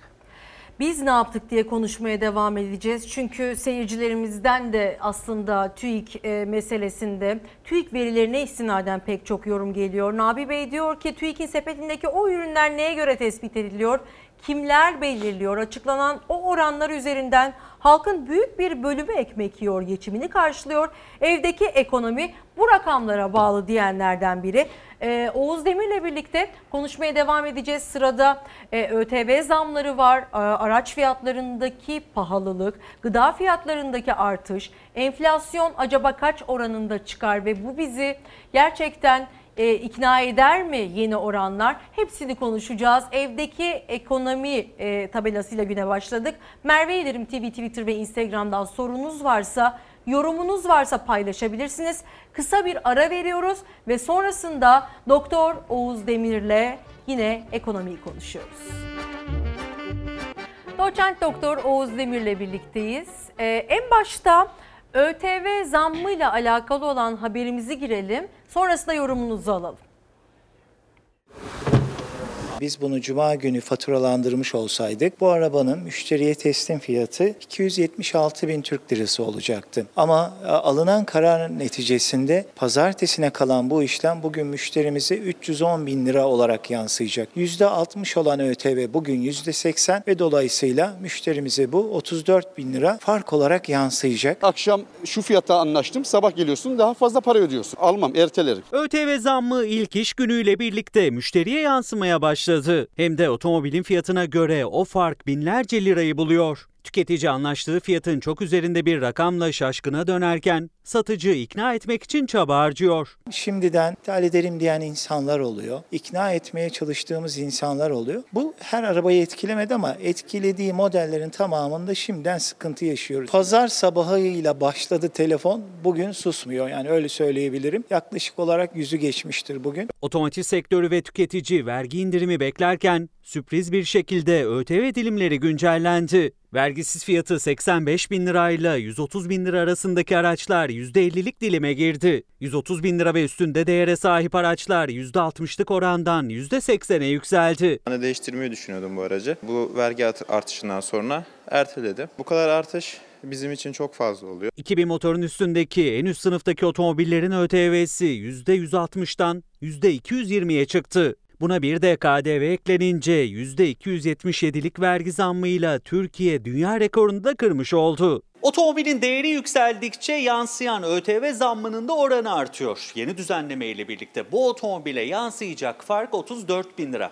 Aracı alacak kişi bayiyi aradı satıştan vazgeçmeyeceğini söyledi ama birçok müşterinin kafası karışık. Otomobile ihtiyacı olduğu için razı oldu. Almak zorunda. Toplu taşıma araçlarını kullanmak istemiyor. Ama ihtiyacı yoksa bu alış talebinden vazgeçebilir. Bu kadar artış kimse beklemiyordu işin gerçeği. Daha indirim beklerken artış geldi. Durdururum herhalde ya. Tüketiciler zaten aldığı her arabanın %55'ini kredi kullanarak alıyor. Sadece 34 bin lira düşünmeyin. Kredi kullanırsa bir ödeme farkı var. Dolayısıyla 34 bin lira büyük bir fark. Omzundaki yük bu artışta da arttı tüketicinin. Satın aldığı her aracın yarısından fazlası vergi. 310 bin liraya bir otomobil satın aldığımızda bunun 166 bin lirasını devlete vergi olarak ödüyoruz. Daha iyi anlamak için aracı ikiye böldük. Aracın aslında vergisiz fiyatı 144 bin lira. Yani ödediğimiz paranın %47'si. Ama ödediğimiz verginin oranı ise aracın kendi bedelinden de fazla. Yani %53. Bu zamların ardından talebin zaten altın çağını yaşayan ikinci el otomobil piyasasına çok daha fazla kayacağını düşünüyor uzmanlar. Şimdiden fiyatlar artmaya başladı. %80'in altında değil bir yıllık ikinci ele gelen zam farkı. %100'ü geçen modeller de var. Şimdi bu biraz daha artacak. 3 ay önce oğluma bir araç aldım. 130 liraya aldım. Bugün aldığım şey galeri bana teklif ediyor diyor arabayı satmayı düşünüyorsan diyor 165 liraya 3 ay içinde alırım diyor. Sektör temsilcileri kararın gözden geçirilmesini istiyor. Satışlar düşmesin, yeniden dönmeye başlayan çarklar durmasın diye. Acaba bu farklardan dolayı bu tüketicilerin talepleri geri çekilir mi diye korkmaya başladık. Personeli istihdam etmeye devam edebilir miyiz? Bunların hepsi maalesef kafamızda soru işareti. Haberi Emre Üskübarlas yaptı. ÖTV zammıyla alakalı fikrinizi çok merak ediyoruz. Ya aslında şöyle e, zor dönemlerde devletler işte zaman zaman yurttaşlarından işte bir şekilde vergi yoluyla başka yollarla para alıp zor durumdaki vatandaşlarına aktarabilirler. Değil mi? Bu, bu çok hani normal bir şeydir. Olması gerekir zaten. E, normal dönemde bile olması gerekir. Hani yoksulla zengin arasındaki o farkın kapatılabilmesi devlet eliyle gerçekleşir. Şimdi sorun şu. Zaten e, işte Güney Kore'de, Japonya'da da geçmişte bunun örnekleri var. Türkiye'de de bütün yurttaşlar eğer gerçekten ihtiyaç olduğunu bilsinler e, yani vergi arttırılmasına bile gerek yok. Neleri var neleri yok paylaşırlar. Burada hiçbir sorunumuz yok. Sorun şu biz bu ÖTV'yi koyduğumuzda buradan gelen geliri ya da ne bekliyoruz? İki tane şey bekliyor hükümet. Birincisi zaten ciddi bir vergi kaybı var. Bunu bir miktar telafi edebilir miyim diyor ki karşılığı yok çünkü az önce fiyatları gördük. Yani bugün belki bundan 5 sene evvel insanların hayal bile etmedikleri ya işte alayım başımı sokacak bir şey ayağımı yerden kesecek bir araba olsun dedikleri arabanın fiyatı 250 bin lira. Yani Türk lirasının ne kadar değer kaybettiğinin güzel bir örneği bu zaten bir taraftan. İkincisi hep ithal araba e, işte yerli milli çok konuşuyoruz ya ithal dolayısıyla döviz gidiyor. E, Türkiye'de bundan yılbaşında 5.90'larda olan dolar bugün 7.30'larda 1 lira 40 kuruş Evet. gitmiş. E, biraz döviz gitmesin diye bunu yapıyor hükümet. Ama zaten şunu da unutmamak gerekiyor ki bizim zaten otomobil ana e, ithalat kalemlerimizden biri yani o kadar önemlilerden biri değil. Her yerde ithalat var. Sadece otomobille başa çıkarak ya da otomobili engelleyerek bunu engelleyemezsiniz. Dolayısıyla buradaki beklenti ne olursa olsun vatandaşın paraya olan güvenini daha fazla düşürmeye yarıyor. Aslında bir faydası olmadığı gibi Şimdi şöyle düşünüyorsunuz ya şu araba bile şu kadar olmuş diyor insanlar yolda yürürken. Şimdi şöyle bir baksınlar işte basit bir e, markalı bir araba 250 bin lira yani satış fiyatı. E, bir kısım şöyle düşünüyor diyor ki ya ne güzel vergi arttığı zaman benim arabamın fiyat değeri arttı diyor. Bir o değer zaten dövizden dolayı artıyor. İki şunu da unutmasınlar. Bir, bir, bir malın satış fiyatı ancak o mal satıldığında fiyat haline gelir. Yani arabasının değerinin arttığını sanıyor ya vatandaş bazen böyle durumlarda. Değeri o arabayı sattığında artmış olur. Şu an arabanızı satsanız yenisini alabilecek durumda mısınız sorusunu bir sorun. Alacaksanız krediyle alacaksınız öyle değil mi? Yani genelde Türkiye'de böyledir. Az önce anlattık. Gelir temelli bir tüketim yok. Borç temelli bir tüketim var. Dolayısıyla borçlanacaksınız. E faizler yükseliyor. Az önce haberde de bahsettik. Bir arabayı almanın maliyeti ÖTV farkıyla ve diğer fa- kredi faizi farkıyla belki bundan 10 sene öncesine göre şu an 40 bin lira 50 bin lira daha da artmış durumda.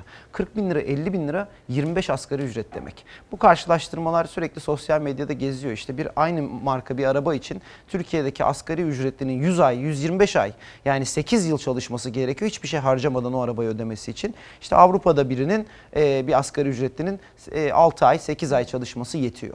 Bu refahı yaratmak zorundayız. ÖTV'yi arttırarak işte ben gelir elde etmem lazım. Ben çok kaybettim. Devlet olarak bunu vatandaşa yükleyeyim diyerek yola çıktığımızda biz tüketimi daraltıp refahı düşürmüş oluyoruz. Yani devlet yapması gerekenin tam tersini yapıyor. Zaten o pahalı arabalar yani 1 milyon 2 milyon hani fiyatlar uçuyor ya havada. O arabayı alabilenler zaten ÖTV'den bağımsız alıyorlar. Geçmişte de almışlardı. Kimin elinden gidiyor bu fırsat? İşte bir çocuğu olan, çocuğu olduğu için bir araba alayım artık e, ayağım yerden kesilsin diyen vatandaşın bunu alamamasına neden oluyor. Biz de diyoruz ki ortalama bir standardı vatandaşına sunmakla yükümlüdür devlet. Bunu En kolaylaştırmakla. azından uygun fiyatlı bir otomobil alma fırsatı olmalı. Fırsat evet fırsat işte çok güzel bir kelime bu. Fırsatı sunmalıyız. E şimdi bu geldiğimiz noktada artık e, işte bu, bu bana üzücü geliyor. Yani bir araba bana, üç araba devlete. İşte ÖTV verene araba bedava. Yani böyle e, şeyler geziyor. Yani devletin e, bu duruma kendini düşürmemesi gerekir. Devletin ciddiyetinin olması gerekir. Ama o kadar demek ki vatandaş da durup dururken ciddiyetsizleşmiyor. Artık bunu mizaha vurmuyor. Onun buna yaklaşmasının temel nedeni işte devletin aslında olaya bu kadar ciddiyetle yaklaşmamasıyla ilgili. Yani devlet ciddi yaklaşırsa olaya vatandaş da öyle yaklaşacak. Ama biz işte birçok yerde bir e, bir yerde boşluk görüyoruz. Ne oldu? Örnek veriyorum. Turizm sektörü sıkıntılı. Hop hadi bir kredi paketi çıkaralım. 60 ay vadeli e, 0.70 kredili faizle sizi tatile gönderelim. Pandemi döneminde bunu diyorsunuz. Tam orayı kurtar, kurtardığınızı sanıyorsunuz. Mesela o arada diyorsunuz ki ya ben bu krediyi verdim ama zarar ettim. Biraz ÖTV geliri yapayım. E, işte a- şeye sigara ÖTV'sini arttırayım, işte araba ÖTV'sini arttırayım. Tam onu geçiyorsunuz diyorsunuz ki bu sefer de otomotiv sektörü sıkıntı oldu. Orada KDV'yi yüzde bire indireyim. Şimdi bunu konuşacak otomotivciler. Diyecekler ki ÖTV'yi arttırdınız o zaman madem KDV'yi indirin. Konut kredilerini arttırıyor, e, faizlerini düşürüyorsunuz. Konut tüketilsin, inşaatlar çalışsın diye. Öyle değil mi? Şimdi faizler yeniden artmaya başladı. Rekorlar kırdınız iki ay. Şimdi faizler artmaya başladı. Çat diye kesilecek. Bu sefer e, şey konut üretenler diyecek ki bizim KDV'mizi indirin. Ya bu işler böyle bir parçayı düzelterek olmuyor. Kapsamlı düşünmemiz gerekiyor. Hı hı. E, günü günü kurtaracak. İşte şu sektörü kurtardım, o sektörü kurtarırken öbürü gidiyor. İşte bakın otomotiv sektöründe bu ÖTV artışı otomotiv bayilerini ciddi canını yakacak. E kim bu durumda fayda sağlıyormuş gibi gözüküyor? İkinci el araba satan. Bulabilirseniz onu da. Öyle değil mi? Fiyat o yüzden yükseliyor. Evet. E, Tamam o zaman bayiler şimdi indirim isteyecek. Bayiyi düzeltiyorsunuz bu sefer bankalar sorun yaşayacak. Yani hep zincir. Zincir bir şekilde bir bir, tarafını açıkta e, bırakıyorsunuz. Yani aslında Türkiye'deki bütün vatandaşlar olarak sanki hepimiz kredi mağduru gibiyiz. Sürekli bir e, açık kapatmaya çalıştığımız kredi bağımlısı olduk artık. Yani bir şey alırken bile kredi bağımlısı. Ha, şöyle bir ülke olursunuz olur. Yani zaten geliriniz vardır, ekonominize güveniniz vardır, evet. her şey istikrarlıdır. Para kolay bulunuyordur, faizler düşüktür. Dersiniz ki ben nakit paramı harcamayayım, kredi sistemini çalıştırayım sonuçta güvencem var dersiniz. Bugün Türkiye'de kredi çeken insanların ki ince elenip sık dokunuyor. Düşünün tüketici kredileri ya da diğer işte hı hı. otomotiv konut kredileri. Ben herhangi birinin bundan 6 ay sonrası, bundan 1 yıl sonrasında o krediyi ödeme güven, güveninin kendisinde çok olmadığını birebir görüyorum ve biliyorum. Çok iyi şirketlerde çalışan e, işte çalıştığını sanan insanlar bile şu an endişeli. Böyle bir pandemi diye bir gerçek var zaten. Evet. Buna rağmen siz belirsizliği arttırmamalısınız. Yani burada e, ekonomi politikasında şunu anlayabiliyorum. Bir panikle otomotiv işte şeyi kurtaralım diyorlar. İnşaatçıları, bir panikle turizmcileri. Hayır panik geçti. Şu an kriz var. Yani panik geçti. Kriz var. Oturup bu krizden çıkmanın yolunu bulmamız lazım. Evet. Bu arada e, Saadet Partisi dün e, otomobil ÖTV zamlarına istinaden bir e, video yayınladı ve sosyal medyada en çok izlenen videolar arasındaydı e, bu e, videoda. E, ona bir gözlemleyelim sonrasında tekrar konuşacağız. Araç sahibi mi olmak istiyorsunuz? İşte size fırsat. Devletinden.com'dan yüksek ÖTV'li araçlar. %220 rekor ÖTV oranıyla gümrük girişi 150 bin lira olan 2000 motorüstü otomobilleri 600 lira TRT payı, 330 bin lira ÖTV, 86.508 lira KDV olmak üzere toplam 567.108 liraya satışa sunuyoruz. 2002-2019 yılları arasında araç vergilerinden tam 160.9 milyar lira vergi topladık. Üretmediğimiz araçlardan, üretenden daha çok kazanıyoruz. Şimdi sıra sizde. Hemen devletinden.com'a gelin. Gümrük giriş fiyatının 4 katına aracınızı alın. Devletinden.com. Daha pahalısı yok. Saadet Partisi son zamanlarda e, kamuoyunun en çok ilgilendiği ekonomik meselelere e, özellikle dijital videolarla e, anlatmaya çalışıyor. Dolarla ilgili de böyle bir video hazırlamışlardı. Şöyle bakmak da gerekiyor aslında. Dijital konuda e, çok eğitiyor kendini galiba. Ee, Dijitale yatırım, yatırım yapan e, partiler arasında e, Saadet Partisi de var. Bu da e, ÖTV zamlarıyla alakalı hazırlanmış olan videoydu. E, Ozan Bilgün'ün de yorumlarına evet, bakalım mı? Lütfen. ÖTV zammıyla alakalı vergi uzmanımız e, Ozan Bingöl sadece 2006-2019 döneminde ÖTV'den 1 trilyon 176 milyar lira vergi toplanmıştır. Bunun 151 milyar lirası motorlu araç satışından elde edilen ÖTV'dir dedi ve milli bayramlarda yayınlanmayan resmi gazete ÖTV sürprizi için yayımlandı. 2002 yılında otomobil satışında uygulanan en yüksek ÖTV oranı %50 iken bugün bu oran %220 oldu. 2020-2019 yılları arasında motorlu taşıt satışından 2002-2019 yılları arasında motorlu taşıt satışından sadece ÖTV olarak 160.9 milyar lira vergi toplandı. Peki bu vergiler nereye gitti Ozan Bey? Evet valla vergiler e, işte he- hepimiz görüyoruz. Ozan Aslında Bey, o özür dilerim. Ozan, Ozan Oğuz Bingöl Bey. kulağın, kulağımızı çınlatmış olabilir. Evet.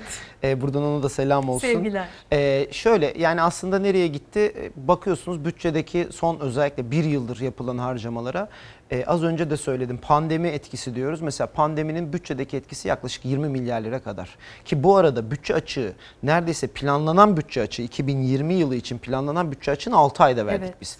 Bunlar normal bakın pandemi döneminde olabilir. Asıl sorun şu bütçe açığınız artar da oradan nereye ne gittiğine bakarsınız. İşte faturalı harcamalarda büyük bir artış var. Bankaların görev zararları artıyor. Yani bütçedeki kalem de asıl zor duruma düşen insanlarda insanlar yerine asıl e, başka yerlere transfer edilmiş oluyor. İşte az önce söylediğim gibi e, işletmelerin kredi faizlerinin zararı millete yüklenmiş oluyor. Hı hı. Ya da işte geçtiğimiz senelerde ya, yap işlet devletle yaptığımız yol köprü bunlar çok güzel yatırımlar ama bir bakıyoruz ki kurdaki artışla beraber asları yüzünden pahalıya gelmiş. Bunlar önemli sorunlar. Özel tüketim vergisi neden var dünyada? Mesela niye böyle bir vergiye ihtiyaç duymuş? İki nedenle. Bir, bu tüketilen ürünlerin doğaya çevreye verdiği zararı bir miktar sınırlayabilmek için. İki, işte trafik gibi toplumsal dışsallıkları, e, negatif dışsallıklarını ortadan kaldırabilmek için. Bizde ne için kullanılıyor? Ee, işte en kolay vergi alınabilecek kalem burası yüklenelim vatandaşa diye kullanılıyor. Doğayla, çevreyle ya da asıl amacıyla trafikle hiç ilgisi olmayan bir noktaya gelmiş durumda. Bir şeyi bağlamından koparırsak ekonomide bu çok önemli bir şey. Eğer amacının dışına taşımaya başlarsanız ya bir şey olmaz demeye başlarsanız işte Ozan Bingöl'ün söylediği gibi %50'den %220'ye kadar getirirsiniz. Hı hı. E Şimdi bundan sonra ne olacak? Bundan sonraki süreçte insanlar yarın bir gün bir miktar daha her şey yoluna girdiğinde pandemi sonsuza kadar inşallah sürmeyecek, bitecek bir an evvel kurtulacağız ve her şey normale döndüğünde insanlar şöyle bir bakacaklar. Ben neyle karşı karşıya kaldım? Yani o tsunami vurdu, dalgalar kaldı, o su bir çekilecek. O su çekildiği zaman hasarı daha iyi göreceğiz. Hep yani bunu icralık dosyalar. İşten e, çıkarmalar, işsizlikler, fiyatlar. Şimdi iki gün sonra enflasyon rakamları açıklanacak. Ne gelir sizce Yani enflasyon? yüz- bir kere aylık enflasyon artık yüzde bire oturmuş durumda. Hele hele son iki aylık o canlanmayla beraber fiyatları görmüyor musunuz? Her nereye gitsek yani Gıda fiyatları. gıda fiyatları ayrı, restoranda ayrı, otelde ayrı. Hani tatil dönemi olduğu için işte araba fiyatları, ev fiyatları. Şimdi kim yani TÜİK bize yaklaşık yüzde 12 civarında yıllık bir enflasyon söyleyecek. Ondan sonra da şuna kızıyor TÜİK'le, TÜİKçiler diyorlar ki işte biz ne buluyorsak onu söylüyoruz ya- yanlış diyorsunuz. E vatandaşın hissettiğiyle aynı olsa niye ya da yakın olsa niye itiraz etsinler? Öyle değil mi? Kesinlikle. Sokaktaki e, işte vatandaşla konuştuğunuzda o da diyecek yüzde 12 mi? Valla arabam 200 liraydı 250 lira oldu satın alacağım araba. Kredi çektim elimde kala- kaldı diyen insanlar oldu. Bakın birkaç hafta içerisinde kredi Krediyi başvurusu. niye çektiler? Araba, almak için. almak için ama elinde kaldı çünkü kredi yetmedi. Eve yetmedi. Yani böyle durumlarla karşılaştı insanlar. Ev almak Evet. isteyen böyle durumlarla karşılaştı. Fiyatlar artık bu şekilde hızla giderken, gelir düşerken, e, devlet bunun yükünü vatandaşa yüklerken bu yönetilebilir bir mekanizma olmaktan çıkar. E, bunu anlatmaya çalışıyoruz. Siyasetçilerin anlamadığı yer şurası. Biz kötülüğüne söylemiyoruz. Yani ülke iyi olsun kimse de sizi eleştirmesin bu konuda. Demek ki bir sorun var. Yani her şeyi eleştiriyordu da e, o yüzden bunları söylüyor değiliz. Bir dönüp baksak bir, bence mesela ekonomi yönetiminin üst düzey bürokrasisinin Hı hı. sokağa çıkıp vatandaşla bir konuşması lazım. Siz ne yaşıyorsunuz demesi lazım. Öyle sağdan duyulan 3 tane bakın ben iktisatçıyım rakamlarla uğraşırım. Evet. Verilerle uğraşırım ama rakamın verinin gösterebildiği bir noktada değiliz artık. Gerçeklerle veriler arasındaki bağlantı koptu. Sokaktaki vatandaşla ekonomi yönetiminin işte bakanı, e, işte eskiden müsteşar vardı, bakan yardımcıları, genel müdürleri, daire başkanları kim yapıyorsa bu fikirleri kim üretiyorsa gidip insanlarla iç içe gelmeli. Yani müjde vererek aslında Değil. insanları e, umutlandırmıyoruz artık. Artık Bunu- hükümetin beklentileri üzerinden ekonomi politikası devri geçti. Vatandaşın beklentilerine gitmemiz lazım Merve Hanım. Vatandaş çünkü zor durumda ve bunu ifade etmek istiyor. Bakın şurada Twitter'da, sosyal medyada yazılıyor. Bir sürü şey öyle değil mi? Hepimize şunu da söyleyin bunu da söyleyin. Bunu biz evet, siz Hı hı. elinizden geldiğince dile getiriyorsunuz. Biz yazıyoruz. Ama dönüp bunu duyması gerekenler o insanlarla muhatap olmak zorundalar. Yoksa yüzlerce korumayla çok güzel müjdeler verme zamanı değil artık. Onu dinlemek zorundayız. Çünkü niye var devlet? Vatandaş için var. Vatandaş üzülüyorsa, sıkıntı çekiyorsa, zorluk yaşıyorsa bunları öğrenmek zorunda. Yoksa e, büyüme %10, enflasyon %12, işte bilmem e, işsizlik %13. E tamam rakam bunlar yani ama, Ama var. vatandaşın düşündüğü şey şu ki bu akşam e, evimde çocuklarımın önüne soframa ne koyacağım? Tabii ki. Bunu düşünüyor. E, Asuman Salih Demiröz diyor ki öğrenci servisçileri olarak durumumuz çok kötü. E, 6 aydır 1 lira para kazanmadık diyor. Esnaflar çok zor durumda. E, özel sektör çalışanları, ücretsiz izne çıkarılanlar herkes çok zor durumda. E, bir de ekonomi verilerine bakalım Tabii, mı? tabii. Bu sabah olan piyasa rakamları e, dolar 7.34 tabi biraz oynama olabilir Hı hı. sabah aldığımız e, veriler bunlar. Çeyrek 768 lira, euro 8.80. Şu an 7.37 dolar. Ee, Euro dün e, tarihi seviye 8.82 idi. Onun üstüne çıktı. Şu anda da üstünde zaten. Biraz dünya etkisi var. Çünkü içeride çok bir hareket yok. Bir de mesela eskiden şöyle yapardık. Hatırlar Hı hı. mısınız? Konuşurduk. İşte enflasyon açıklanacak. işte dolar ne olacak? Büyüme açıklanacak. Dolar ne olacak? Artık Farkındaysanız etmiyor? bile değil. Evet. Ne e, dö- döviz satanı ne döviz alanı sadece dünyada ne oluyor ona bakıyor. Çünkü ümidini kesmiş durumda. Çeyrek altın 768 lira. İnsanlar artık şu hale ge- gelmiş durumda. Çeyrek e, elimde var satayım mı? E, ala- alabilir miyim acaba? Alsam zarar. Çünkü güvenmiyor. Güvenmediği zaman hep buralarda geziyor. Biz yani bu bütün bunlar işte o kadar çok şey anlattık ki bugün farkındaysanız. E, en temeli de şuraya dayanıyor. bu çok kadar fazla- dağınık olmaktan Evet. kaynaklanıyor. Yani şu işi bir derleyip toplayalım, buyurun oturalım hep beraber çalışalım, bu memleketi düzlüğe çıkaralım dendiğinde bunun için uğraşacak insanlar var. Ama kavgayla, gürültüyle, güvensizlikle işte bundan e, 2008 senesindeki fiyatını söyleyeyim size 40 liraydı çeyrek altın. 12 senede 768 liraya gelmiş. 190 kat, 19 kat özür dilerim. Ya bö- böyle bir artış yok. E, bu bizim dengesizlik ve Evet. savrukluğumuzun Ve göstergesi. vatandaşın geliri bu kadar arttı mı diye sorduğumuzda vatandaş e, her daim yerinde sayıyor. Hatta yerinde de saymıyor. Dibe doğru sürüklenirken işte böyle piyasalar Ya bu kadar durumda. karamsar bir tablo tabii mecbur. Evet, yani iş- durum Keşke bu. sabah veremeseydik, vermeseydik Ver. bunları. Yani- Ee, gönül isterdi ki burada harika deseydik, müjdeli haberler verseydik de ama versin. görevimizi e, icra etmek e, gibi bir misyonumuz olduğu için gerçeklerle yüzleştirmeye çalışıyoruz herkesi. Bu arada çok mesaj geldi. Mesela izleyicilerimizden biri diyor ki kahvaltılık almak için Yövmiye işi yaparak para kazanıp evine kahvaltılık almaya çalışan baba, kocasını merak edip sokaklarda onu arayan bir eş gördünüz mü? Evine ekmek götürme derdi olanların Allah yardımcısı olsun diyor. Evdeki ekonomi böyle diye e, yorumlayanlardan biri. Peki e, geldiğimizde faturaları yorumladığımızda acaba ne gibi bir şey söylememiz gerekiyor? Çünkü kış sezonu gelecek Evet. ve doğalgaz faturaları yükselecek. Bunun gibi e, ısınma, gıda enflasyonu. Faturalar yani e, A'dan Z'ye ne de ne diyeyim ki aslında yeni zamlar demek kış gelmesi demek. Yılbaşında tabii. da yeni zam dalgası her zaman vardır. Tehlikenin e, boyutunu nasıl anlatabilirsiniz vatandaş için? Her sene bakın mesela aylık enflasyon rakamlarına bakarız biz. Evet. Ee, Eylül ayı mesela yazın normalde bir miktar gevşerdi son iki senedir o da yok artık tarımdaki sıkıntılardan ötürü. Ee, Eylül ayı genelde enflasyonun işte yüksek olduğu aylardan biridir. Ne de, neden? Çocuklar işte okula gidecektir. Elbiseler yenilenecektir. işte kırtasiye malzemeleri alınacaktır. Talep artar bir miktar fiyatlar oynar. İşte e, Ekim ayları hakeza işte tarımsal üretimin azaldığı dolayısıyla gıda fiyatlarının hızlandığı bir dönemdir. Ama bütün hani bu dönemsel şeylerin dışında bir de yeni e, bizim her dönem karşılaştığımız enflasyon oluştu. O da enerji üzerinden. Yani işte kur arttıkça, Türk lirası değer kaybettikçe e, Türkiye'ye giren doğalgazın fiyatı artıyor Türk lirası cinsinden. E, bir yere kadar bunu göğüsleyen e, bir devlet zaman zaman bunu göğüslüyor diyor ki vatandaş artık çok zorlanıyor diyor. Ama bir yerden sonra finansal olarak bu sürdürülebilir olmuyor ve vatandaşa yansıtıyor. Şimdi mesele şu evimize giren doğalgazın fiyatını belki zammını devlet yapıyor ama daha ötesi orada yapılan şey yanlış kur yöne işte yanlış ekonomi politikasının sonucu. Yani aslında bir doğalgaz zammı değil o. doğalgazın fiyatı bizim satın aldığımız dolar fiyatı değişmedi.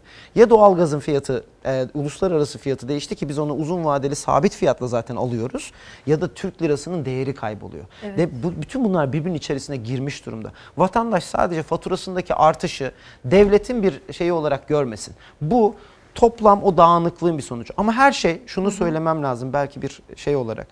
E, bu, bu böyle sonsuza kadar gitmeyecek. Çünkü Türkiye'de çok ciddi bir genç nüfusumuz var. Yani bulunan o gaz bahsedildi ya 320 milyar metreküp. Evet. Onu geçelim. Bizim 30 milyon gencimiz var. Eninde sonunda bu gençlerle bu sorunların hepsini çözüm, çözüme kavuşturacak bir jenerasyon geliyor. Dijitalden bahsettiniz az önce. Bu arada Deva Partisi gaz dediniz oradan hemen e, bunu da belirtmiş olalım. Gaz uyarısında bulundu ve dedi ki faturaya sondaj farkı yansıyabilir dedi. Yani müjdeli haber olarak duyurulan e, gaz keşfinin de e, keşfedilme aşamasında yapılan masraflar da vatandaşa yüklenir mi diye düşünmüyor Va- değil. önceden bir ki. siyasi partinin bu uyarıyı yapması çok iyi. Çünkü en azından bir gündem oluşur ve belki böyle bir niyet varsa da önceden vazgeçilir. Çünkü yarın çıkacak gazın parası gelirinin ne olacağını bilmediğimiz gazın parasını bugün ödemeyi tercih edeceğini vatandaşın hiç sanmıyorum. Zaten o kadar çok şey ödüyor ki. Yani bir de bunu yapmayalım yani. Evet. Çok teşekkür ediyoruz Oğuz Bey. Ee, yeni sezonda benden söylemesi programında da programımda da ağırlamak Seve isterim seve. sizi. Çünkü ekonomi bizim e, genellikle gündem maddelerimiz. Yorumlarınız çok değerli. Çok teşekkür Ben ediyorum. teşekkür ederim. Efendim şimdi Amerika Birleşik Devletleri'ne gidiyoruz. Başkanlık seçimlerine iki ay kala ortalık çok gergin. Trump destekçileriyle ırkçılık karşıtı göstericilerle karşı karşıya gelirken Biden ve Trump arasındaki gerilim de artıyor. İsrail, Birleşik Arap Emirlikleri arasındaki anlaşma kapsamında ilk ticari uçuş gerçekleşti. İşte dünyadaki son gelişmeler.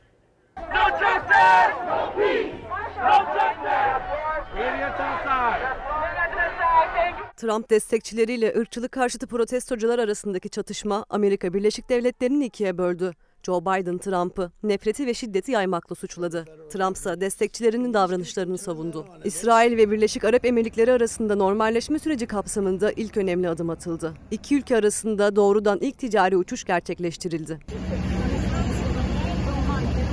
Başkanlık seçimlerine iki ay kala Amerika Birleşik Devletleri'nde kriz derinleşiyor. Başkan Trump ve demokrat rakibi Joe Biden arasındaki ipler gerildikçe geriliyor. Son olarak ülke Trump destekçileriyle ırkçılık karşıtı protestocuların çatışmasına sahne oldu.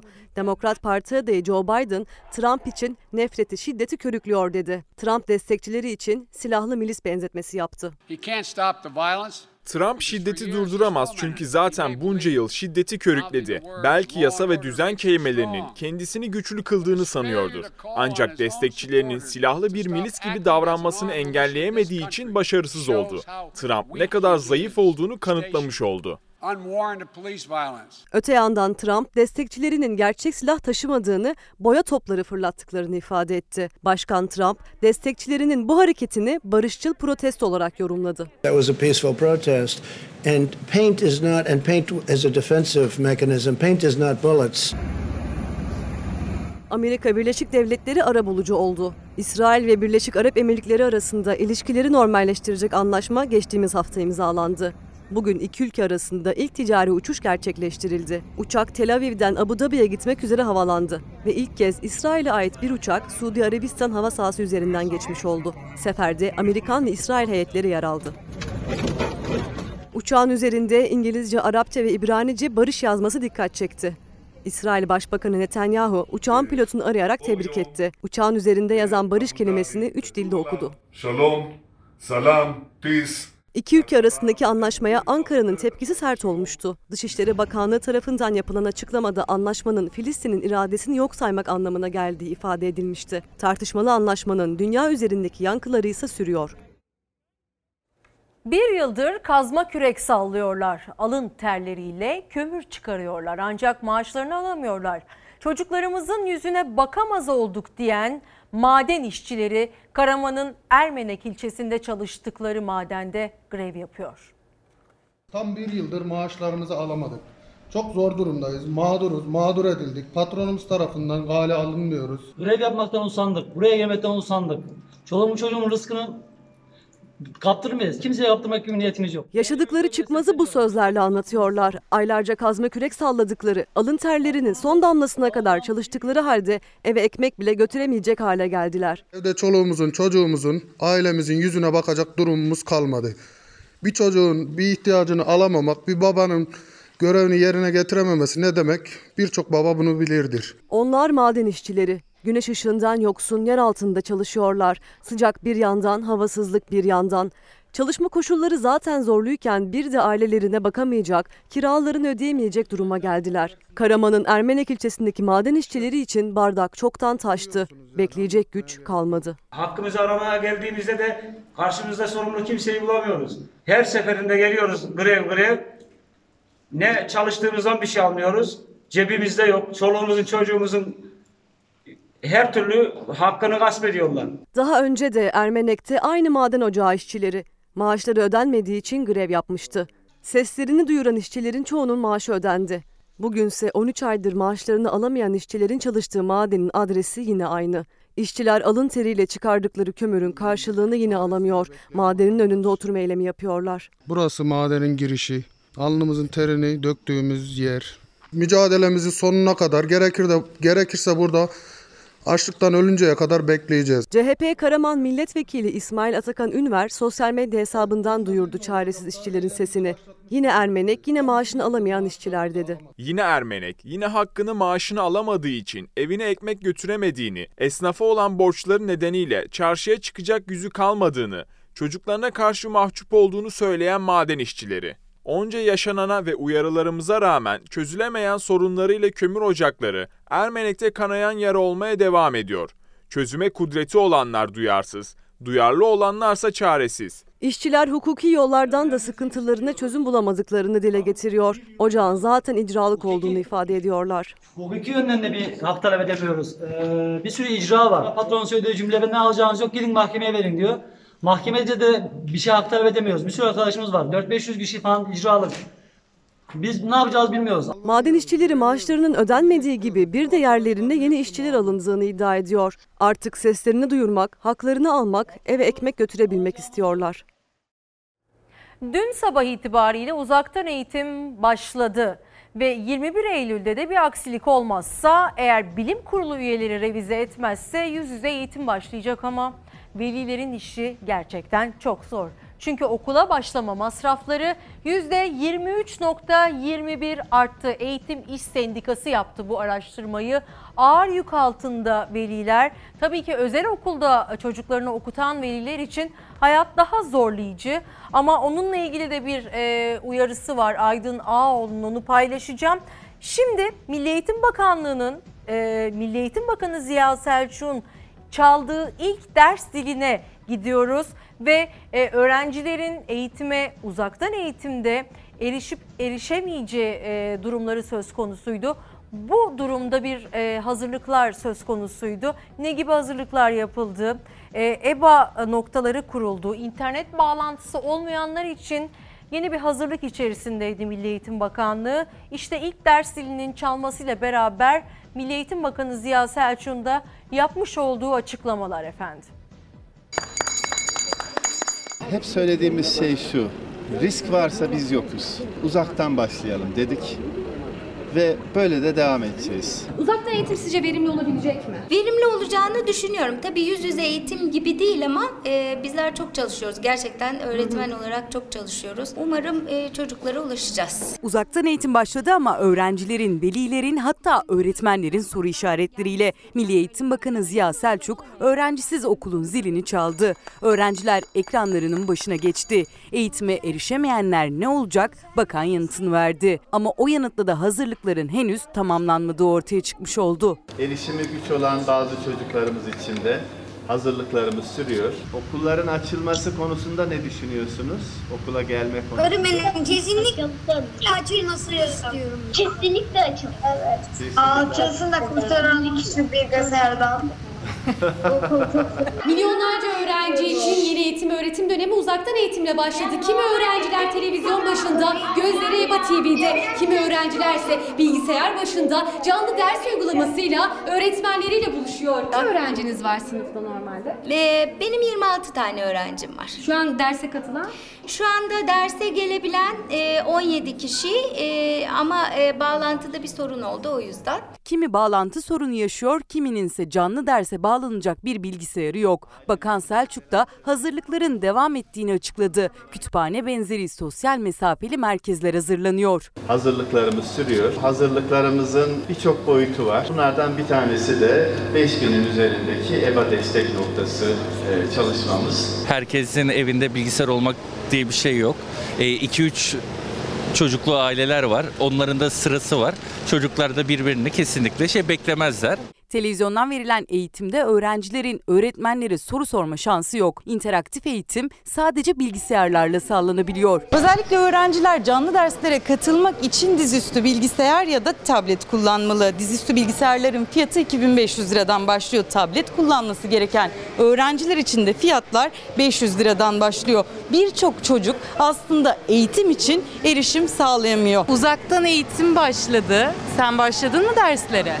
E, telefon bozuldu bu yüzden başlayamadım. Dört kardeşler. Peki evde kaç bilgisayar var? Bir tane. Bir bilgisayar var, dört çocuk var, dördü de eğitim alıyor. Ve hepsinin yaşı peş peşe. 1'e, 2'ye, 3'e, 4'e gidiyorlar. Çocuk sayısı arttıkça da velilerin bilgisayar ve internet yükü katlanıyor. Lise öğretmeni Güler Ulupınar'ın da 4. ve 8. sınıfa giden iki oğlu var. Evde yeterli donanım. Telefondan girecek, biri laptoptan girecek. Ayrı ayrı aletlerden girmeye çalış. Benim de dersim olacak, ben de öğretmenim. Ben de bir yandan anlatacağım. Üçümüz ayrı ayrı ekranlarda bir şeyler yapmaya çalışacağız. Sizin sınıfınızda var mı erişemeyen? Bir iki kişi var. İmkanı olmayan var tabii. Tüm bu süreçte öğretmenlerin de temennisi her öğrencinin eğitime erişebilmesi. Muhakkak köylerde var çocuklar onlar ne yapacak? Bu konuda hassasız ama her çocuğun eşit olmadığını biliyoruz. Milli Eğitim Bakanı Ziya Selçuk, bakanlığının bütçesindeki yükün öğretmen maaşları olduğunu söyledi. O sözlerine öğretmenlerden, sendikalardan ve siyasilerden tepki gelince yeni bir açıklama yaptı. İşte o açıklama. Ziya öğretmen olarak benim öğretmenlerimizin itibarının, özlük haklarının yükselmesinin dışında hiçbir hedefim olamaz. Öğretmen kimliği taşıyan Sayın Bakan'a Ziya öğretmene soruyoruz. Öğretmenlerin itibarını, özlük haklarını yükseltmek temel hedef ise arkadaşlarımız neden yoksulluk sınırının altında, güvencesiz koşullarda açlık sınırının dahi altında çalıştırılıyor. Hedefini öğretmenlerin özlük haklarının iyileştirilmesi olarak açıkladı Milli Eğitim Bakanı Ziya Selçuk. Birkaç gün önce kurduğu cümlelere gelen tepkilere böyle yanıt verdi. Milli Eğitim Bakanlığı'nın bütçesine bakarsanız yatırım bütçesinin çok çok küçük olduğunu görürsünüz. Eğitimde asıl yük öğretmenin maaşıyla ilgilidir. Milli Eğitim Bakanı Ziya Selçuk özel okul ücretlerinin indirilmesi talebine ilişkin yanıt verirken kurdu bu cümleyi. Öğretmen maaşları için bütçedeki asıl yük dedi. Yeni günde de tepkiler sürerken bakan bir kez daha konuştu. OECD ülkeleri içinde öğretmenlerine en düşük maaşı veren 7 ülkeden biriyiz ama bakanın bundan haberi yok. Bakan neyle meşgul? Öğretmen maaşlarının yük olmasından şikayetle meşgul. Buradan böyle bir sonuç çıkarılıyorsa bir zorlama vardır. Sayın Bakan'a soruyoruz. Uzaktan eğitim ve okulların salgına hazırlığı ile ilgili gerçekleştirilen bir toplantıda eğitime yeterli bütçe ayrılmamasının gerekçesini neden öğretmen maaşları üzerinden ifade etti? Niyetim çok açık, cümlelerim çok açık. Biz öğretmenimizin her türlü imkanını artırmanın peşindeyiz. Başka da bir derdimiz yok. Söylediği açıkça şudur. Yatırım bütçem yok. Elimdeki paranın büyük bir kısmı cari harcamalara gidiyor. Bu da öğretmen maaşları. Eğer yatırım bütçeniz yoksa bu hükümetle konuşun. Bu 5 müteahhite verdiklerinden biraz kıssınlar. Öğretmen maaşlarını da verin. Eğitime de yatırım yapın. Milli Eğitim Bakanı ben de öğretmenim öğretmenlerin maaşlarının özlük haklarının iyi olmasını isterim dedi ama hem siyasetin hem de sendikaların öfkesini dindiremedi. Açıklamaları kabul etmiyoruz. 2010'da 9. derece 1. kademede olan bir öğretmen arkadaşımız maaşıyla 13 çeyrek altın alabiliyorken 2020'de bu sayı 6'ya düştü. Milli Eğitim Bakanı'nın asıl yapması gereken kayıplarımızın karşılanması Özel okullarda KDV indirimi gerçekleşmişti. %8'den 1 oranına kadar indirildi. E, Aydın Ağaoğlu diyor ki farklar Eylül ayında iade edilecek. Veliler peşin ödemelerde %1 oranında KDV ödeyecek ya da önceden ödediyse %7'lik KDV iadesini, iadesini okullardan alabilecek. Taksitle ödeme yapanlar da aynı şekilde %7'lik KDV indirimi ne kadarsa iade edilebilecek %7'lik KDV indirimi. Ozan Bilgöl dedi ki az önce de şöyle ki ÖTV indirim ÖTV zammı ile alakalı otomobil ÖTV zammı bizler yapılan yanlışlıktan dolayı bir yıl boyunca şalgam suyunu bile ÖTV'de içmiş bir milletiz. Anlayacağınız efsunluyuz. Bunlar ne ki yorumunu yaptı. O zaman günümüze istinaden bir e, eser gelsin efendim. Nesrin Sipahi diyor ki otomobil uçar gider. Otomobil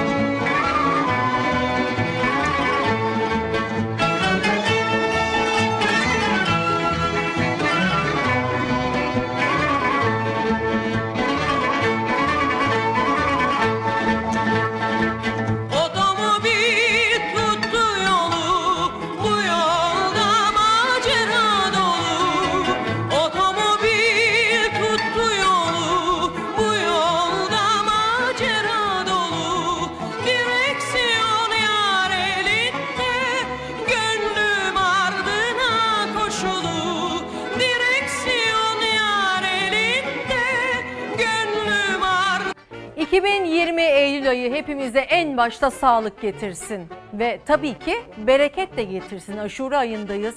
Yardımlaşmayı ihmal etmeyelim derim. Çünkü tabii ki dünya ile birlikte Türkiye'de ekonomik gidişattan kendi payına düşeni alıyor. Hayat zor. Hepimiz ayağımızı yorganımıza göre uzatalım. Ve tabii ki sevgi ve saygıyla kalalım efendim. Görüşmek üzere.